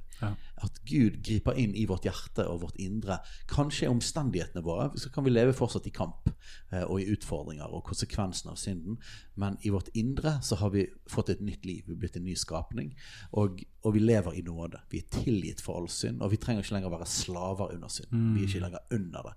Vi kan fristes av det, men vi er blitt nye mennesker. Eh, Og, og det er ikke noe som vi går rundt med, med Det er en gave. Så det går ikke rundt med med arroganse og tro at vi er gode. Nei, å være kristen betyr det at vi har innrømmet at vi ikke er gode nok. Helt Eh, så har vi fått lov til å ta imot nåde. Og så er det den siste biten som du, som du sa, at, at, at en gang, og det er liksom det, det store løftet, og det vi ser fram til en gang, så skal vi ikke lenger leve i den kampen. Nå er det en indre forandring. Vi lever fortsatt i en kamp mellom det onde og det gode. Det vil være gode systemer og dårlige systemer, og vi vil leve på en måte med konsekvensene av synden. Og vi vil leve med kampen sjøl, med det onde og det gode i vårt eget hjerte, som du var inne på, Alf Kåre. Um, men en gang så er den kampen over. Og Gud skal dømme synden og ondskapen og alt sammen. er noe av det beste jeg vet fra Johannes' åpenbaring, der det står liksom det som skal skje eh, i fullbyrdelsen, er det at, at eh, Gud kastet døden og dødsriket i ildsjøen. Tenk på det. Tenk At han bare, bare Nå er det over. All elendigheten og djevelskapen, det er over. Og, eh, og så er det det verset som du siterte sant, fra Johannes' åpenbaring 21, at, eh, at det skal ikke, han skal tørke bort av Ja. Eh, og det skal ikke være smerte lenger. Det skal ikke være pine lenger. Og, og hele denne kampen som vi nå lever i, med en indre forandring, men samtidig lever vi i en ufullkommen verden. Som vi, vi, vi kjemper for det gode, eh, men vi tror at vi alltid likevel Det er jo en kristen, tanke, en kristen tanke. Jeg må bare understreke det igjen. Vi tror ikke at vi, vi kan komme og lage et system eller et politisk system som vil fjerne all ondskap. Vi tror ikke det skjer.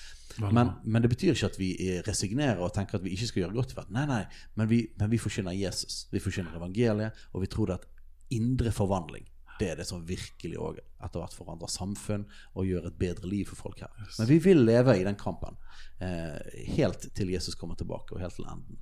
Og da er den endelige det endelige håpet det er at vi skal få leve med Gud i paradis, i himmel, den nye himmel og nye jord.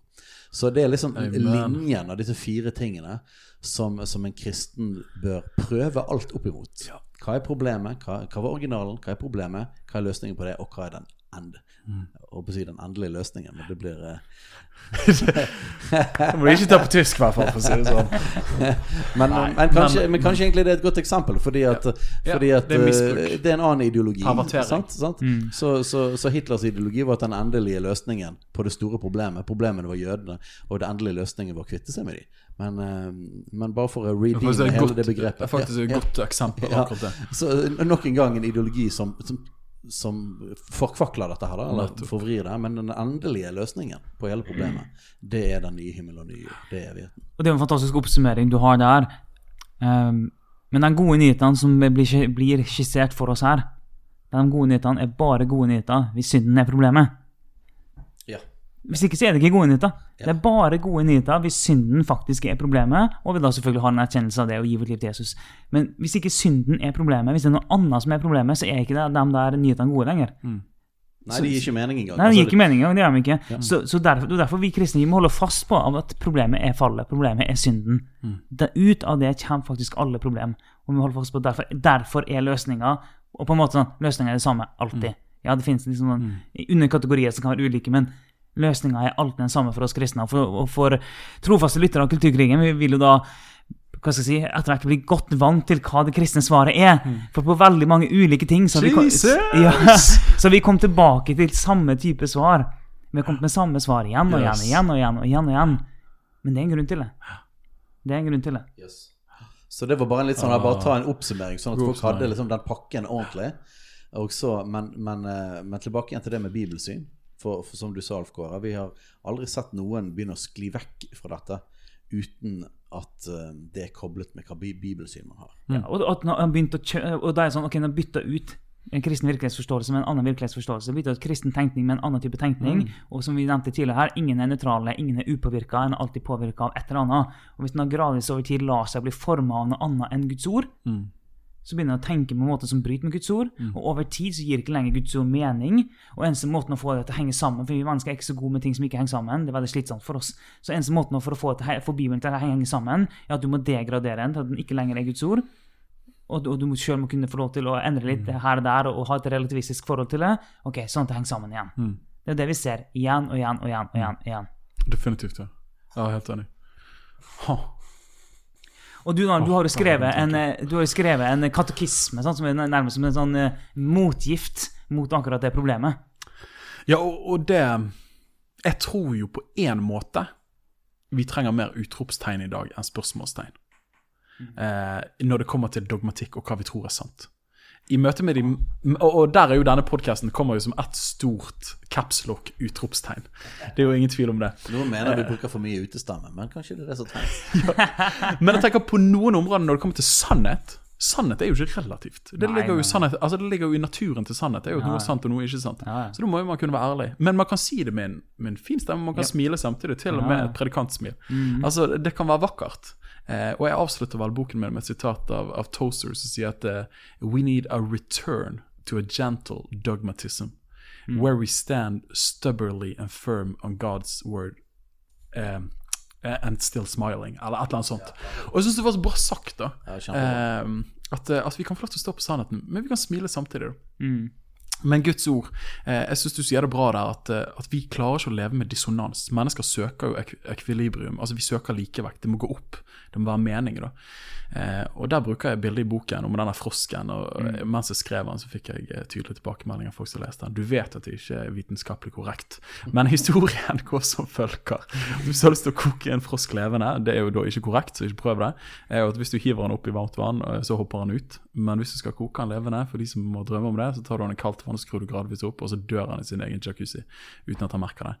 Eh, jeg syns det er et glitrende godt bilde mm. på det vi erfarer, og i det vi skal av podkasten her, og vi snakker om konkrete situasjoner, at vi ser veldig mye i landet vårt der vi ser kokt frosk-situasjoner, så skjer ja. veldig mye. Og det begynner med bibelsyn, sånn som du sier. Mm. Jeg har ennå til gode å møte noen som lander på og jeg jeg har lov til å si det, men bare ordet liksom liberal.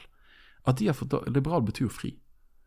Men sann frihet er å være bøyd for Guds ord. Så Jeg syns det er kjipt at de har fått det ordet, og også ordet progressiv, som betyr framskritt. Mm. Altså Guds rike er jo den ultimate progresjonen. Liksom. Og vi liksom. sitter igjen med ordet konservativ, som bare ja. betyr at liksom, vi vil ha det som i gamle dager. Men det er jo ikke sant! Det er heller på en måte sant. Det, men nok en gang en kamp om ord. Det har jo dere snakket mye om, helt sikkert. Men, eh, men jeg er helt enig. Jeg har aldri sett noen som, som har et høyt bibelsyn og så ender opp med å bli liberal, for å bruke det uheldige begrepet. Mm. Eh, på ulike områder. Og HLT, eh, Høgskolen for ledelse og teologi, droppet vel en, en, studie nå i høst der de påviste, og det var, er jo på en måte en sånn no-brainer, men der de så at konservative holdninger eh, var større blant de som leste mer i Bibelen. Sånn, Nei, sier du det? Men uansett, det var veldig gøy å få det på svart på hvitt. da. Så, ja, hvis du lar deg forme av Guds ord på jevnlig basis, så får du mer såkalte konservative eh, holdninger. Og slett. Ja, og, sånn, og de begrepene er jo Det er litt sånn som høyre og venstre i politikken. Sant? At, ja. at uh, de er veldig mangelfulle. For konservative da på en måte peker det bakover at vi ikke, vi vil ikke ha rask forandring fra, fra, det som var før. Og det er jo litt sånn tilfeldig at, at å, være, å, tro at Bibelen er Guds ord, er konservativt. Eh, for det, betyr, det er fordi at i vårt samfunn så har man trodd det før. Så derfor blir det på en måte konservative verdier. Men klart, eh, hvis du går inn i et annet samfunn der det er helt andre verdier, som er det de har hatt for lenge siden, så er jo ikke det å tro på Bibelen konservativt. Da kan mm. det være direkte radikalt eh, og progressivt og liberalt. Altså, så, så, disse begrepene på en måte Ja, det er litt irriterende, for begrepet konservativt det, det, har med seg noe bakstreversk. At det, det er de folkene som når eh, når uh, operativsystemet skal forandres, så blir man sur fordi at knappene blir annerledes enn før. Og vi kjenner de! vi kjenner de mødrene! Late adapters, sant? Og det, jo, uh, og, og det, passer jo ikke på noen av oss. Nei, nei, nei. Uh, så derfor har jo vi begynt å mer og mer bruke et annet begrep, som er klassisk kristendom, eller klassisk kristen lære. for det er klassisk, det, det lyder litt mer vakkert enn konservativt. Ehm, men uansett hva begrep vi bruker, så handler det om hva bibelsyn har vi. Hva tror vi at Bibelen mm. er for noe? Mm. Er det Guds ord til oss? Eh, eller er det ikke det? Og kanskje vi skulle snakke bitte litt om, om, om, om, eh, forskjellige bibelsyn og sånn. Bare for å forklare litt det. For det tror jeg er viktig nøkkelog inn mot eh, alle mulige kultur, kulturkrigsspørsmål. Mm. Ja, altså det, det, er jo kjempeviktig. Og um, en veldig sånn uh, veldig kort, enkel uh, oppdeling av bibelsyn det er jo f.eks. Okay, du kan snakke om feilfrihetssynet, intensjonssynet og uh, det som så fint kalles sånn, sånn som et feilbarlig menneskelighetsåpenbaring i Skriften. et eller annet sånt. Mm, mm. Men der basically er, det ligger i ordet at hele Bibelen er feilfri. Uansett hva detaljer den uttaler seg om, så er den feilfri. Var det 100 000 mennesker i det slaget, så var det 100 000 mennesker i det slaget. Mm, mm. Og intensjonssynet er da at, det, at det, det, okay, det tallet er kanskje ikke helt korrekt. Kanskje var det 90 000 i det slaget, kanskje var det 8000. Mm. Eh, men det er ikke viktig, for det er utafor intensjonen. Men Bibelen er, er, sann og hel og rett i hele sin intensjon. Mm. Eh, så i alt den uttalelsen Går det an å si budskapet til Bibelen? Ja, altså, budskapet og kjernen. Sentrum periferi. Ja, ja, så du kan deles opp i det. da. Okay? Så I periferien er den kanskje ikke helt nøyaktig, men i sentrum så er en helt feilfri. Mm. Og så har du det med tanken om at eh, Bibelen er ikke Guds ord, men den har Guds ord. Så du kan finne Guds ord i Bibelen. Det er på en måte en, eh, mm. en sånn tredje, Det finnes flere bibelsyn. Ja, men jeg synes eh, en fin inndeling det der. For det er jo egentlig et spekter, på en måte, ja. der du beveger deg fram og tilbake. Og så har du liksom ultimatet på venstresiden. Det må jo bli venstresiden. Det er jo de som tror det bare er fossile overleveringer fra fjern fortid. Mm. Ja, men det er jo på en måte ikke så interessant å snakke om det, for de tror ikke på boken i utgangspunktet. Ja, de vil iallfall ikke så. kalle seg kristne. Nei. Uh, Nei. Så tro, Eller tror jeg. nå for tiden. Kanskje noen. sant? Ja, ja. Men jo lenger vei Altså, det, det, det er sikkert noen som identifiserer seg som kristne. òg. ja, Men jo lenger du går ut på den siden, eh, jo mer sannsynlig eh, er det at du ikke kaller deg kristen. Eh, og jo mer, eh, jo mer i retning av at du, at du tror at Bibelen er Guds ord, eller eh, så, så jo mer sannsynlig at du kaller deg kristen. Så det, går, det kan vi iallfall si. At det fins en sammenheng mellom det å identifisere seg som en troende, en etterfølger av Jesus, eh, og med hva bibelsyn du har. Bare for eksempel bare slenge på det uttrykket der, en etterfølger av Jesus. Da skaller det av ganske mye folk. Helt Ja, sant. ja, Helt sant. ja. Så, så det, bare det utsagnet sier noe om, om, om bibelsyn, faktisk. Helt sant. Em, så det vi ser i, i Norge i dag, og, og jeg tror Vi prøver jo alltid å ikke Vi prøver ikke å overdrive. Og vi har en sånn rar stemme inni hodet vårt hele tiden som sier det at Nei, nå overdriver dere litt, grann, det er jo ikke så galt. Dere- Litt sånn alarmisme, på en måte. Men så blir vi stadig tatt av at eh, Nei, vet du hva? Dette her er ingen overdrivelse i det hele tatt. Det skjer dramatiske ting. Eh, og det skjer ikke bare dramatiske ting i kulturen vår, men det skjer dramatiske ting i kristenheten. Og, og vi er inne i noe jeg vil kalle en bølge som skyller over frikirkeligheten. Og som kommer til å bli mer og mer synlig de neste årene. Og det er veldig koblet på dette med bibelsyn. Ja. Eh, når vi har snakket om et konservativ, liberal, bibeltroskap, forskjellige etiske spørsmål, så har det veldig ofte vært koblet inn mot Den norske kirke eh, i mange, mange, mange år i Norge. Men det er i ferd med å endre seg. Kan si Den norske kirke har på en måte i stor grad sementert hvor de står, selv om det finnes folk i kirken som ikke er på linje med det. Men, men som organisasjon så er det ganske tydelig nå eh, hvor, hvor Den norske kirke står på evangeliet og på bibelsyn. Men vi skal kalle det da denne kampen om bibelsyn og Bibelens autoritet er nå kommet til Frikirke-Norge for fullt. Og det hadde vært spennende å snakke litt inn i, Helt sant. i, i med tanke på dette her med bibelsyn. Ja, for da er bibelsyn en, en kjerneting. Definitivt. Uh, åh, det er mye man kan liksom bevege seg inn i der. Eh, altså, bibelsyn, hva, hvordan vi ser Skriften sjøl, eller liksom Ja, er Eller liksom bare hvordan vi leser Kristen-Norge akkurat for tiden. Ja, det hadde vært interessant, både hvordan vi ser det, Ja. og hva er, det, hva er de bevegelsene vi ser. Eh, jeg vil jo si det at, at fundamentet for denne, denne det jeg kaller en bølge over frikirkeligheten, er en endring i bibelsyn i Mm. frikirkelige sammenhenger. Der, der frikirkeligheten har vært stått veldig støtt lenge på Hvis man husker disse tre bibelsynene som Alf Kåre presenterte, så er det jo på en måte det, det første eller det andre. På en måte de, de, det synet med at Altså, Bibelen er Guds ord, i. Bibelen er Guds ord. Ja. Sånn som en samle, betegnelse utsagn, Ja. Vi tror at Bibelen er Guds ord til oss i dag. Eh, og det har vi stått støtt på. Men det endrer seg.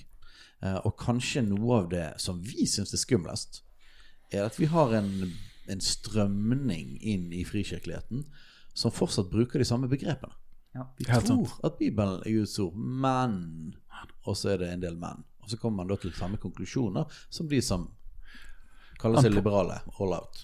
Virkelig, altså. Det er eh, Alltid når vi begynner å snakke om det her, så lurer vi på okay, hvor konkret skal vi være. Og det, og det er alt vi lurer på. Uh, og det, vi vet veldig mye som vi ikke kommer til å si i podkasten, men det er jo ting som allerede er, ligger ute i kristenpresset og annen presse. Så det, det er mer sånne ting vi kan snakke om. Eh, men bare for å si, jeg skal bare si en kjapp ting om det med bibelsyn. for Du nevnte jo det, men ok, om, om du så tenker, eh, har et feilfrihetssyn, eller om du har et intensjonssyn, så har du likevel en anerkjennelse av det er Guds ord. Så derfor, om du tenker at okay, det, det, alt er feilfritt, eller det er noen detaljer som kan være annerledes, greit nok, du har likevel en anerkjennelse av det Guds ord. Så det, da, er du, da er du på en måte innafor. Men med en gang vi tenker at uh, Bibelen er ikke Guds ord, men Guds ord er inne, i- inne i Bibelen, så er det vi da som må finne ut hva det er som er Guds ord.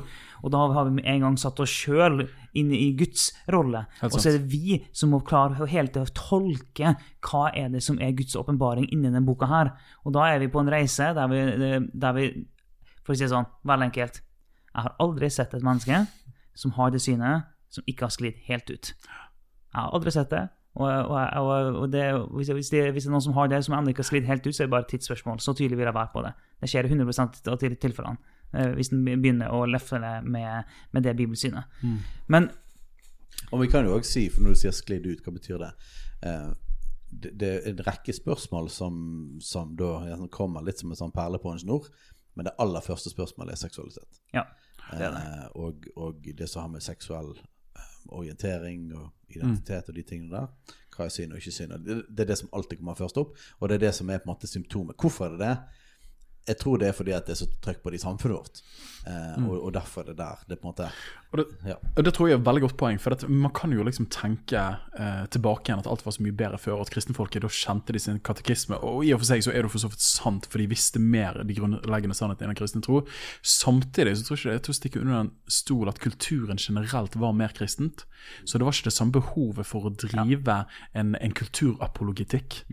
For det at alle var på en måte på samme side. Så det vi ser nå, er at kulturen har beveget seg langt bort fra det kristne grunnlaget, som da åpenbarer at gjerne ikke det kristenfolket er så grunnfestet i hva vi faktisk tror, når vi ikke har kulturen på vår side lenger.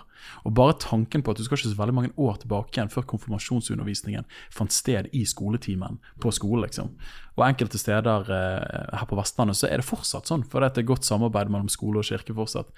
Så dette, jeg tror mer det at kulturen beveger seg så fort, og vi er vant til å lytte til kulturen, men kirke og kultur sa det samme før i stor grad, mens nå sier de forskjellige ting. Og da må vi velge hvor står vi, da. Og det utfordrer eh, bibelsynet vårt mer enn noen gang. da. Så jeg tenker at det er en utfordring, samtidig er jo det òg muligheten til kirken. ja. Ja, ja. For at nå passifiseres vi ikke lenger. Nå er ikke vi bare en størrelse som flytter med, men nå må vi eie troen vår. Vi trenger en eksilteologi. Vi må forstå oss som annerledesfolket. da. Men bibelsynet jeg synes jo det er skremmende påfallet, sånn som du sier, Alf Kåre, de som da ender opp med å bevege seg til litt mer altså, eklektisk tilnærming til at eh, noe er Guds ord og andre er ikke det.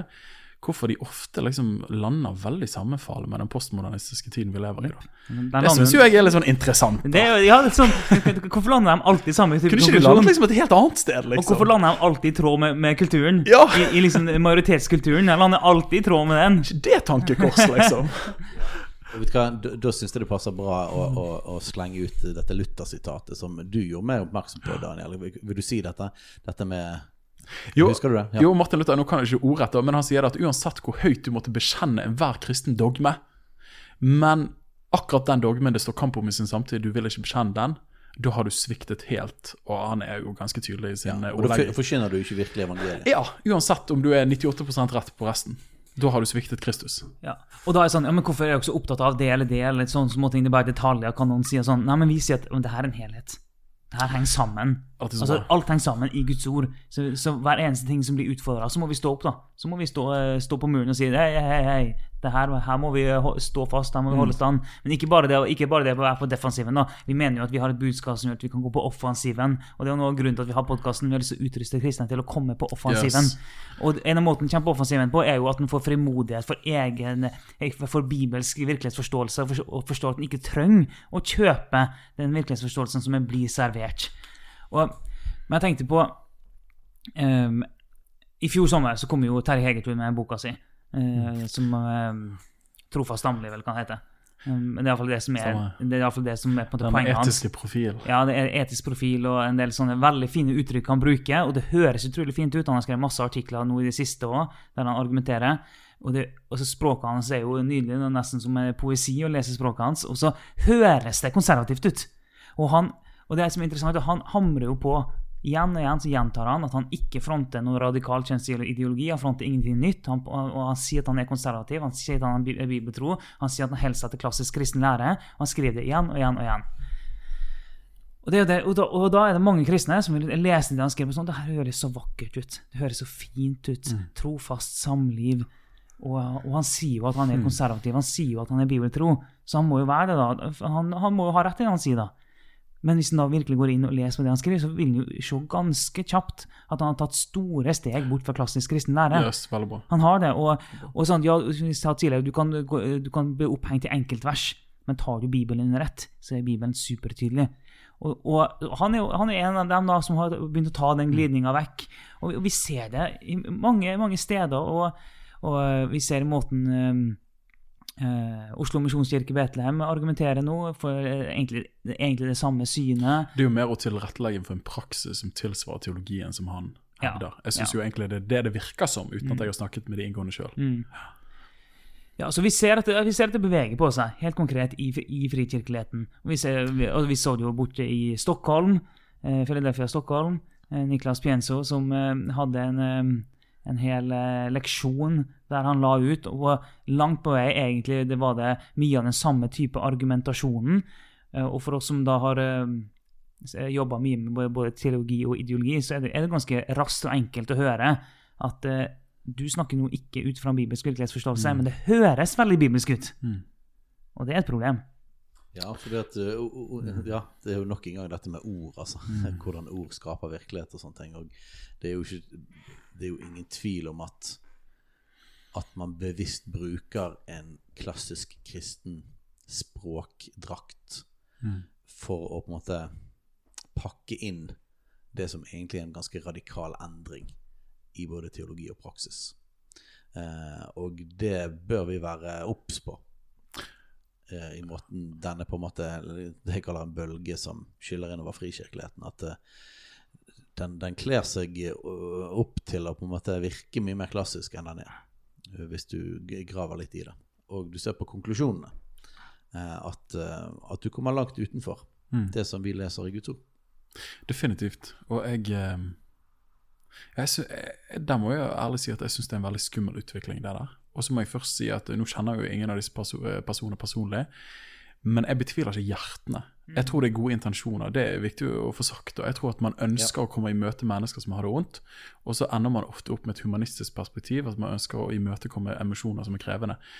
Og det er på en måte jeg, jeg berømmer ønsket om å hjelpe. Det tror jeg er kjempeviktig. Ja. Men uh, skal man virkelig hjelpe, så må man gi riktig medisin, som vi har vært inne på. Og da må òg diagnosen stilles rett. Og, og C.S. Lewis er jo kjent for det begrepet kronologisk snobberi. Men jeg kjenner jeg blir skremt når jeg ser på den teologiske utviklingen, du kanskje feil å bruke det ordet, men bevegelsen de siste tiårene, der vi har gått fra skanse til skanse, og så tenker vi at sånn må det bare være. Men så tenker du at kirken har nesten stått i ro i 2000 år på ulike lærepunkter.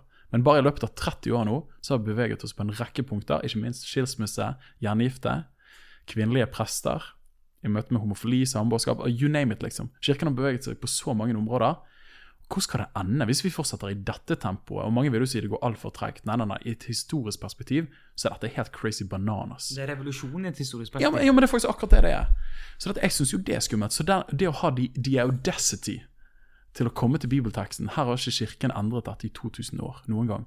Og så kommer du og sier at pga. iPhone og Elon Musk og eh, elbiler, så vet vi mye bedre enn tidligere generasjoner. Det er et kronologisk hovmod som jeg syns er uovertruffen. Eh, og at man ikke reflekterer mer rundt det, det syns jeg nesten bare er rart. altså. Ja, og det, det er interessant. Jeg har egentlig ikke tenkt så mye på hvor sammenfallende det vi kaller kulturkrigen er, og det som skjedde på slutten av 60-tallet, er med den, den eh, teologiske utviklingen. Ja. For, um, for den liberale teologien kommer jo egentlig fra 1800-tallet og, og på en måte eh, har sin bakgrunn egentlig i opplysningstiden. Eh, For å prøve å imøtekomme ja, og den liberale filosofien. Da. Eh, og, og så kom den inn i det teologiske. Og den, den, den har jo beveget seg lenge i, i den teologiske verden. Men, men likevel så er det i den samme tiden, der vi har hatt den her kulturelle revolusjonen, det er jo i den tiden alle disse spørsmålene virkelig har blitt utfordret, av det man har, endret det. Så det er jo veldig vanskelig å se det, og ikke se det i sammenheng med at dette er en revolusjon som skjer i kulturen vår, og at eh, kirken ikke klarer å stå imot, rett og slett. At vi kjøper eh, vi kjøper pakken. Eh, vi kjøper denne forståelsen. Um, og oh, det kan vi ikke. Nei, vi kan ikke det. Og, og der kan jo man òg se ut fra et globalt perspektiv. Så synes jeg det er veldig oppmuntrende å se at de kirkene som går fram i verden, eller de stedene der troen går fram, er jo folk som tror at Bibelen er Guds ord. Så det at eh, hvis man så bare er pragmatiker av hjerte, og har lyst til å være med liksom, der kristendommen går fram, så bør du være bibeltro, da. Så bør du være Ja, du bør faktisk det. Nei, men Det er jo et godt poeng. Jeg husker jeg så, i, jeg så en statistikk for ulike kirkesamfunn i USA. Og så er det at samtlige av de som har blitt liksom mainstream, altstream, liberale, presbyterianere osv., eh, altså de går jo ned og under. Men så ser du cra crazy charismaniacene vet du, som tror at Bibelen er Guds ord osv., de eksploderer jo noen steder. Så det er bare av pragmatiske årsaker, min venn, vil ikke du være bibeltro. Og det er jo ikke noe god nok grunn i seg sjøl, men likevel kan ikke det være at, at fruktene forteller at dette er det som er bærekraftig. Ja, og vi, og vi ser jo det samme med, med Den norske kirke. Ja. At, uh, at pilene går jo nedover hele veien. Eh, Og uansett hvor relevant man vil være en kirke for hele folket, og være inkluderende for alle, så når man blir det, da, så eh, velger ikke folk kirken likevel. Folk melder seg ut i hopetall. Færre og færre døper barna sine. Um, alle disse som ønsker at kirken skal bevege seg på disse teologiske spørsmålene, det ser ikke ut som de faktisk går i kirken. De kommer jo ikke med. Og jeg, jeg husker et veldig konkret eksempel for noen år siden. Var, eh, var når Einar Gelius liksom herjet mediene og var liksom the go-to eh, liberale prest. Skulle snakke om alle mulige eh, Typisk om seksualitet og de tingene der. Eh, og han var jo prest i Vålerenga kirke. Det var jo nesten ingen folk der. Mm.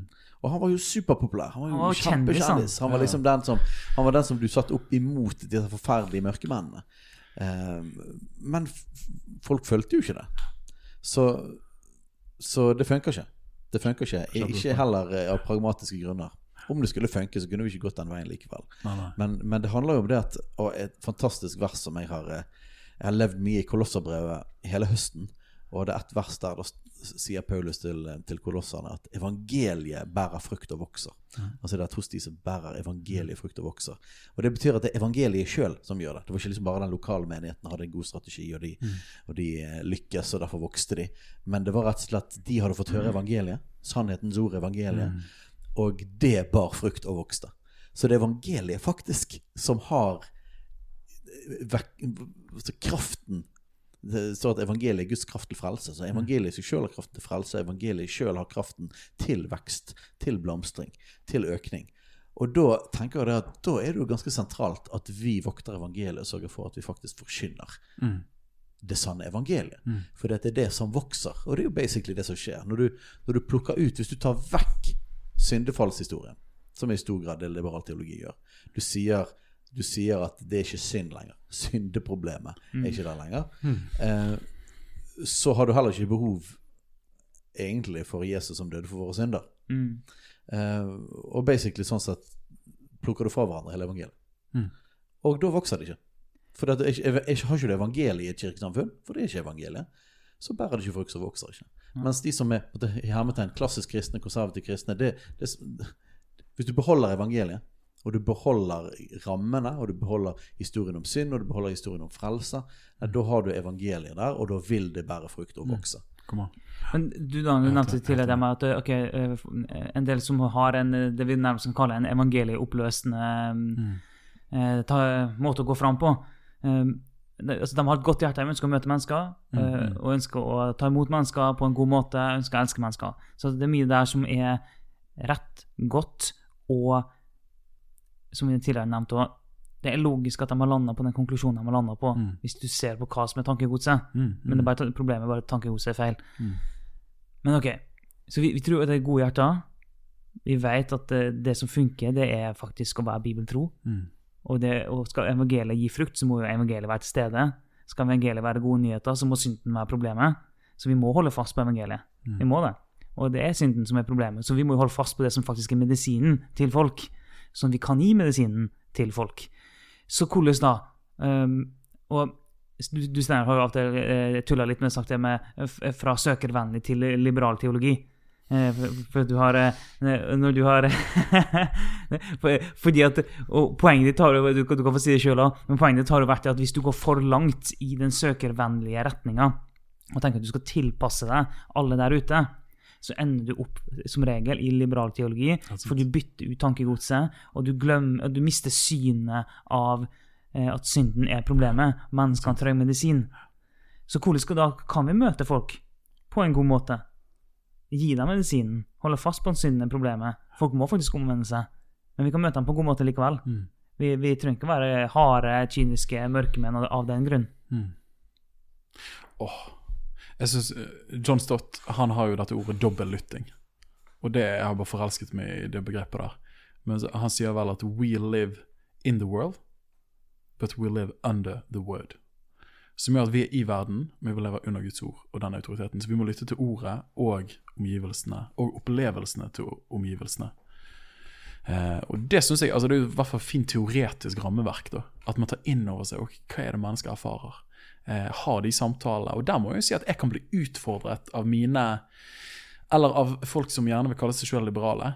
at ofte, og det sier jo Stott òg, ofte er de bedre i den forstand at de faktisk kjenner folk som går gjennom disse tingene. Eh, og der må jeg innrømme at der kan jeg bli utfordret, for det er fort at jeg ender opp med å leve med de jeg lever med. Eh, nå har det ut som jeg levde med veldig mange rare folk her, men at man blir liksom innenfor sin eh, klassiske hub. da. Så at jeg, jeg kan berømme og si at nøden noen av de kjenner, ønsket om å bety en forskjell, fantastisk. Eh, konge. Men jeg tror at vi kan ta det enda lenger og bedre enn de òg. Så det der trenger jeg å lytte bra til omgivelsene, men jeg trenger ikke minst å lytte til ordet, sånn at jeg faktisk kan gi det medisin når jeg møter det. da. Um, og vi ser jo dette i personen Jesus. sant? Ikke sant? Vi har jo det ultimate Bare, forbildet. bare hent Jesus inn her, Steinar. Ja. Ja, men det er sant. Og det er så fantastisk. Og, og, og alle elsker jo. Om du ikke tror, tror på Jesus, eller om du, om du ikke tror at Bibelen er Guds ord, eller Alle er jo glad i Jesus, og alle er glad i den Jesus som møtte mennesker. Som, eh, som var på fest med Matteus og tollerne og synderne, på en måte. Og, og alle elsket Jesus, og folkemengdene fulgte han. Og hvorfor fulgte de han? Nei, Det var jo, det var jo flere grunner. Han helbredet de syke, kastet ut onde ånder. Men han, det var noe med måten han snakket på. Det var noe med Han gikk liksom rett inn til vanlige mennesker, til folk som sleit, som folk som hadde det vanskelig, til på en måte synderne. Og så fordømte han ikke personen, men han møtte personen med, med godhet. Men det som vi ofte når vi på en måte snakker om den siden av Jesus, eller de egenskapene av han, så er det ofte lett at vi at vi da tenker at Jesus aldri konfronterte synd, eller at han på en måte måte løste opp rammene for å møte folk. Men vi ser jo i på en måte personen Jesus sjøl at han kunne møte folk med kjærlighet, med nåde. Og folk faktisk syntes han var spennende. Folk, folk hadde faktisk lyst til å være i nærheten av han. Men så utfordret han dem likevel. Ja. Han utfordret de til å følge. Han, han, han gikk rett inn på festen. Eh, men han ble ikke som alle de andre. Det var ikke sånn at Jesus satt på festen og drakk seg drita. Sånn som de andre. Men han var der, han var ikke støtt av det. Han var på en måte uten synd. Jeg kan si, hellig. Guds, Guds eh, rettferdighet, men midt inne, liksom. I mørket, og inne hos mennesker som egentlig dypest sett hadde en lengsel. Og så i personen Jesus så kan du se at det er mulig å holde fast på tydelige rammer. Det er mulig å ikke kompromisse på Guds ord. Og det er til og med mulig å snakke tydelig om omvendelse og etterfølgelse, som Jesus også snakket om. Mm. For mange folk kom og fulgte etter han, og så, så var han kjempetydelig. Men følg meg. Slipp eh, alt du eier. Forlat alt, og følg meg. Eh, og, og så lenge dette fins i personen Jesus, begge disse her sidene, så tenker jeg at for, for vi som kjenner Jesus, og, blir, eh, og lever med han, lever i nærhet til han, så kan vi bli smittet av den samme karakteren, den samme ånd, den samme kjærlighet og tydelighet som Jesus har. Og det er bare sagt, altså. Og jeg tenker, Kan jeg bare dele en historie jeg fort kommer på? Men jeg syns Johannes 8 er jo den klassiske go to-storyen. Med denne synderien, denne kvinnen som er grepet i hor, og som de er klart å steine. Og så sier Jesus den som er uten synd, kan kaste den første stein. Så er det Jesus, har du blitt liberal teolog, liksom der? Er ikke lenger noe synd, men han anerkjenner jo det. Men så sier han disse bemerkelsesverdige ordene, og så ser han opp og sier, hvor er de som fordømmer deg? Mm. Og så sier hun eh, Jeg vet ikke, ingen. Og så sier han heller ikke jeg fordømmer deg. Gå bort og synd ikke mer. Men der har du den dialektikken, da. Du har begge deler. Men han begynner med å si jeg fordømmer ikke deg, jeg gir deg nåde. Men når du har erfart nåde, gå bort og synd ikke mer. Sant? Titus eh, 2,12. Nåden oppdrar oss. Eh, men kirken ofte har sagt gå bort og synd ikke mer, så skal ikke vi fordømme deg. Det tror jeg vi må erkjenne. da. At av og til så har vi sagt ok, fiks livet ditt, kom inn i det gode selskap. Men Jesus han tar en annen approach. Han sier jeg møter deg der du er med nåde, men elsker deg for mye til å la det forbli der du er. da. Eh, og du trenger òg å ta et ansvar i møte med nåde du har blitt gitt. Eh, jeg syns det er fantastisk bilde på Jesus. altså. Ja. Nåde og sannhet inkarnert. Yes, og det er mulig. Det er mulig. Og, Det er det. og hvis vi tar foreldrebilder, som vi liker noen ganger å dra inn, så er ikke det sånn at kjærlighet ser ut som at det fins ingen rammer, og at alt er greit. Eh, Men, men som en forelder, det at vi elsker barna våre, betyr òg at vi er tydelige med dem av og til. Det betyr òg at vi sier ikke lek på motorveien. Ikke stikk eh, fingrene inn i stikkontakten. Eller strikkepinner inn i stikkontakten. Det finnes fortsatt rett og galt. Det finnes fortsatt rammer. Og grunn til at de sier at dette, dette er ikke bra, dette er ikke rett, dette er feil, eh, det er faktisk en del av kjærligheten. Det er ikke en motsetning til kjærligheten. Kjærligheten har også konfrontasjon i seg. Mm. Eh, og hvis noen skader seg, og ut fra en kristen virkelighetsforståelse, så det så, kalles, så, er synd å skade seg. Eh, Det er faktisk ikke det verste for oss. Hvis vi tror at faktisk rammene er gode nyheter, ikke, det er bra, Gud har skapt noe bra, så er det faktisk en del av kjærligheten til mennesker. eh, Og å være tydelig på at det fins rett og galt. Eh, og, men så må vi passe oss på å ikke havne i fariseergrøften. Og mange vil tenke det fordi vi er tydelige, så er vi i den. Eh, der du har kun prinsipper og du har kun lover. Men du har ikke Guds barmhjertighet, du har ikke Guds kjærlighet. Du har ikke evangeliet og tilgivelse for synd. Eh, men vi kan ikke havne i verken den liberale grøften eller i fariseergrøften. Mens evangeliet de balanserer disse to sidene perfekt. Definitivt. Ja, det gjør det. Og når jeg oppdrar mine barn, så oppdrar jeg jo mine barn med rammer, selvfølgelig. Eh, Det er jo ikke en psykolog i verden omtrent som vil si det at et barn har, har det best hvis det får lov til å vokse opp uten rammer og får lov til å være helt fri gjøre som det vil. Altså, Helt rosa. Helt rosa. Altså, du, du, du Det finnes noen skoler. Ja, det finnes noen. Men, men sånn liksom jevnt over så, så finner du ingen eh, psykolog eller ekspert på barneoppdragelse som vil si at det er en, en god måte, og at det er godt for barnet. På samme måte som når man har forska på barneoppdragelse, så har man funnet ut hva som er den beste eh, oppdragelsesformen, typen. De har delt opp i fire. Og, og delt opp i, i varm og kald og streng og ettergivende. Og så er det sånn, fi- sånn firkant, da. Så kan du være liksom i det ene hjørnet eller andre. Og sånn. Og så har han funnet ut det at uh, du har noen som er, eh, er veldig varm, men ettergivende. Ok, det, og det, det er veldig fint at de er varme, det gir barna mye bra. eh, men, det er, men ettergivenheten det fører med seg mye, mye trøbbel. Ja. Det er likevel bedre enn den som f.eks. er, er, er kald og streng. De er jo da autoritære, kalles de. Mm. Og så har du den som er kald og ettergivende. De er jo fraværende. Men så har du den som kalles autorativ. Og det er den som er varm og streng. Altså du er varm, og du har rammer, og du har grenser. Det er eh, det, er det forskninga har kommet fram til, at det er den beste oppdragelsesformen for barn. At hvis du som forelder er autorativ, at du er varm og streng. Det er det beste vi kan gi barna våre. Og det, er jo, det går- henger jo sånn vi mennesker er skapt. Er ikke det vakkert? Jo, det er kjempevakkert. Det er Johannes 1, det er jo nåde og sannhet. Det er det. Det er, nåde og sannhet. Så når Gud har gitt oss rammer, Ja. og vi, og vi i, i podkasten her er så tydelige på at vi skal holde oss innenfor rammene Så det handler ikke om at og, og vi gjør det bare fordi vi har lyst til å være kald og streng. Nei, vi mener at vi gjør det faktisk ut av kjærlighet. da. Eh, altså, men det, det, det, er en, det er en autorativ måte å lede mennesker på. Ja. Det, det er å forkynne rammene tydelig, og forkynne nåde og kjærlighet tydelig. Begge deler helt tydelig. Åh. Men altså, bare, nå har jeg jo ikke gleden av å være med i hver podkast dere gjør, men har gleden av å høre på. Men når jeg bare reflekterer når vi sitter her og snakker, og du går gjennom type Rousseau, Nietzsche, Marx, Foucault, Derrida, alle disse, er ikke på en måte, hvis vi kan være litt, nå skal jo ikke vi karikere og være stygge mot dem, men kanskje vi egentlig bare koker det ned til at autoriteten blir subjektiv og intern, og vi tror ikke på noen ytre rammer. Ja. Altså er egentlig ikke diagnosen bare så enkel som det? Mens vi fortsatt tror at det finnes noen gode, overmenneskelige skaperordninger som er prepolitisk. Altså, Men, men, men, eller, jo, ja. eller bare gå tilbake til den første løgnen, da. Skal, vi- vil dere bli som Gud? ja, bra sagt. Altså, Vil dere bli som Gud? Ja. Hvis, hvis man vil ta vekk ytre rammer, ytre autoritet, en sjøl vil være den øverste autoriteten, så vil en sjøl sette seg sjøl som Gud. Mm. Og, og dette og vi, Her graver vi bare lenger og lenger ned og lenger bak. Men det tar jo, har jo sitt utgangspunkt i Guds natur. Hvem er Gud, og hvordan sier han at han sjøl er? Han, og et av begrepene, og jeg tror det viktigste og dypeste begrepet, det er at han er far. Eh, en far, en god far, da, er en som elsker.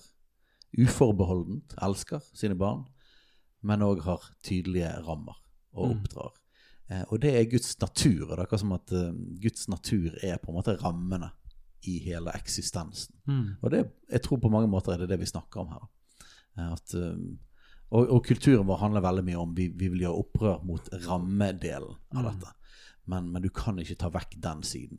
Og så, som vi òg har vært borti flere ganger, det finnes grunner til den reaksjonen. Det har vært tider som har vært primært strenge. Har primært halt- handlet om, om rammene. Og mye mindre om nærheten og kjærligheten og nåden. Og det er klart at det gir heller ikke mennesker liv. Du må ha begge disse her ingrediensene. Altså, Paulus sier jo det, liksom, det, det, dere fedre, ikke vær, jeg husker ikke ordet, men sånn, ikke vær for streng. Mm. Ja. Ja, Ikke vær for streng. Og, med, med deres barn, med deres sønner. Stemmer det. Ja, det er interessant, ja, At han sier det. Det åh, Vekk ikke sinnet i deres barn. Ja. lov og evangelium. Mm. Åh, Vi har vært mye inn i mye spennende her. Jeg tenker jo eh, Når jeg ser, jeg ser på tiden på, Ja, hva er tiden på nå? opptaket, den er 1.38. det var såpass, ja. Eh, Så jeg tenker at vi begynner å nærme oss landing og sånne ting. Um, Men kanskje vi kan eh, gå inn i litt sånn avsluttende ting. Daniel, er det noe du har på hjertet spesielt som du kunne tenkt deg å, å, å dele? Oh, altså det er jo Uten tvil så tar jo vi og berører disse tingene nå. Eh, Vi gikk jo inn her uten altfor mange stikkord. Eh, Det er jo mange podkastøyeblikk vi kunne berørt her. Jeg må si der personlig jeg er nå, eh, så sitter jeg Altså, jeg fryder meg. Det er jo litt sånn nerdeinteressen. Men jeg syns det er gøy å bare forstå hvorfor tenker vi som vi tenker. Hva er det, den luften vi puster inn som vi tenker er helt normal, men hvorfor er det normalt? da?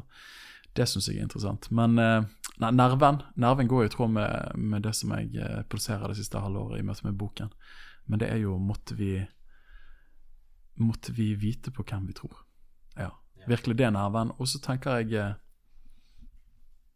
Johannes 8,32 er jo både alt fra liksom det unge tenåringen som trenger å finne sannheten om seg sjøl, til et makrosamfunnsperspektiv. Men dere skal kjenne sannheten, og sannheten skal sette dere fri. Og det ordet som brukes der, kan òg oversettes med virkeligheten. Og det syns jeg er utrolig deilig. At sannhet er ikke noe konstruert.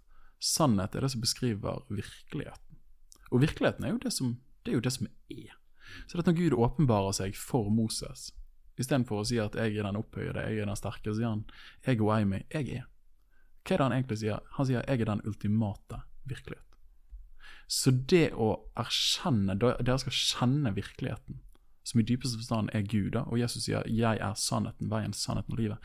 Så den ultimate virkeligheten er Gud. Så idet du kjenner Gud, da skal du bli fri. Og så har jo den eh, svenske apologeten Stefan Gustavsen litt coinet og sagt at i vår samtid så sier vi at eh, når du blir fri, da lærer du sannheten å kjenne. Og vi har bare snudd på hodet, da.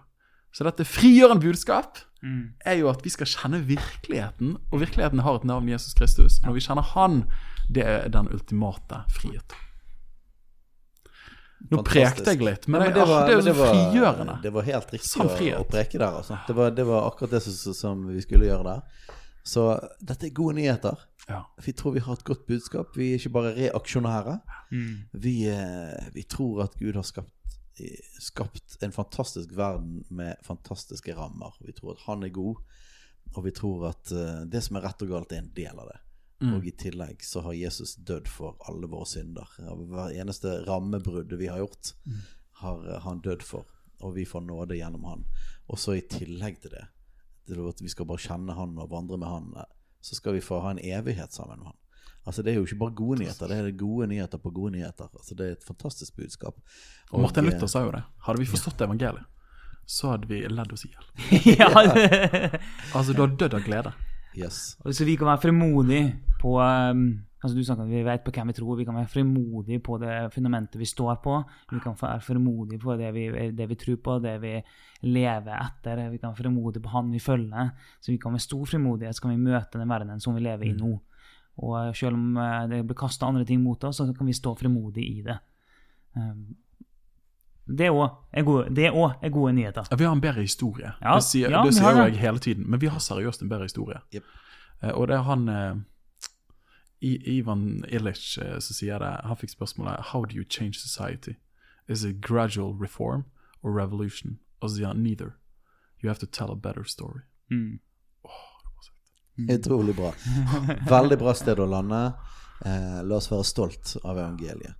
Eh, ikke skamme oss over evangeliet. Det er, for å dra det inn i kulturkrigkontekst, det er det beste medisinen i, i den tiden vi står i, og det ideologiske presset vi står i i samfunnet. Og dette er jo en podkast om eh, om ideologi Jeg husker ikke rekkefølgen. eh, Det er veldig bra, intro Alf. Introen, Eh, det må jeg si. Men det er jo da eh, ideo filosofi og ideologi og Teologi. teologi. Ja, det Vi sier at det er en, at det er en podkast om samtale om samfunn, ideologi, teologi, filosofi.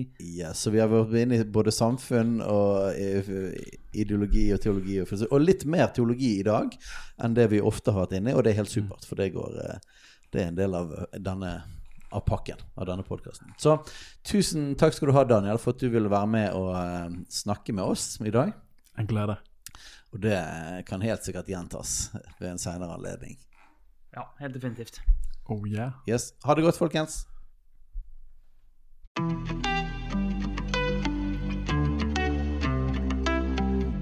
Takk for at du lytter på Kulturkrigen. Om du har tilbakemeldinger, spørsmål, hva som helst egentlig, send inn til post alfakrøll eller på sosiale medier.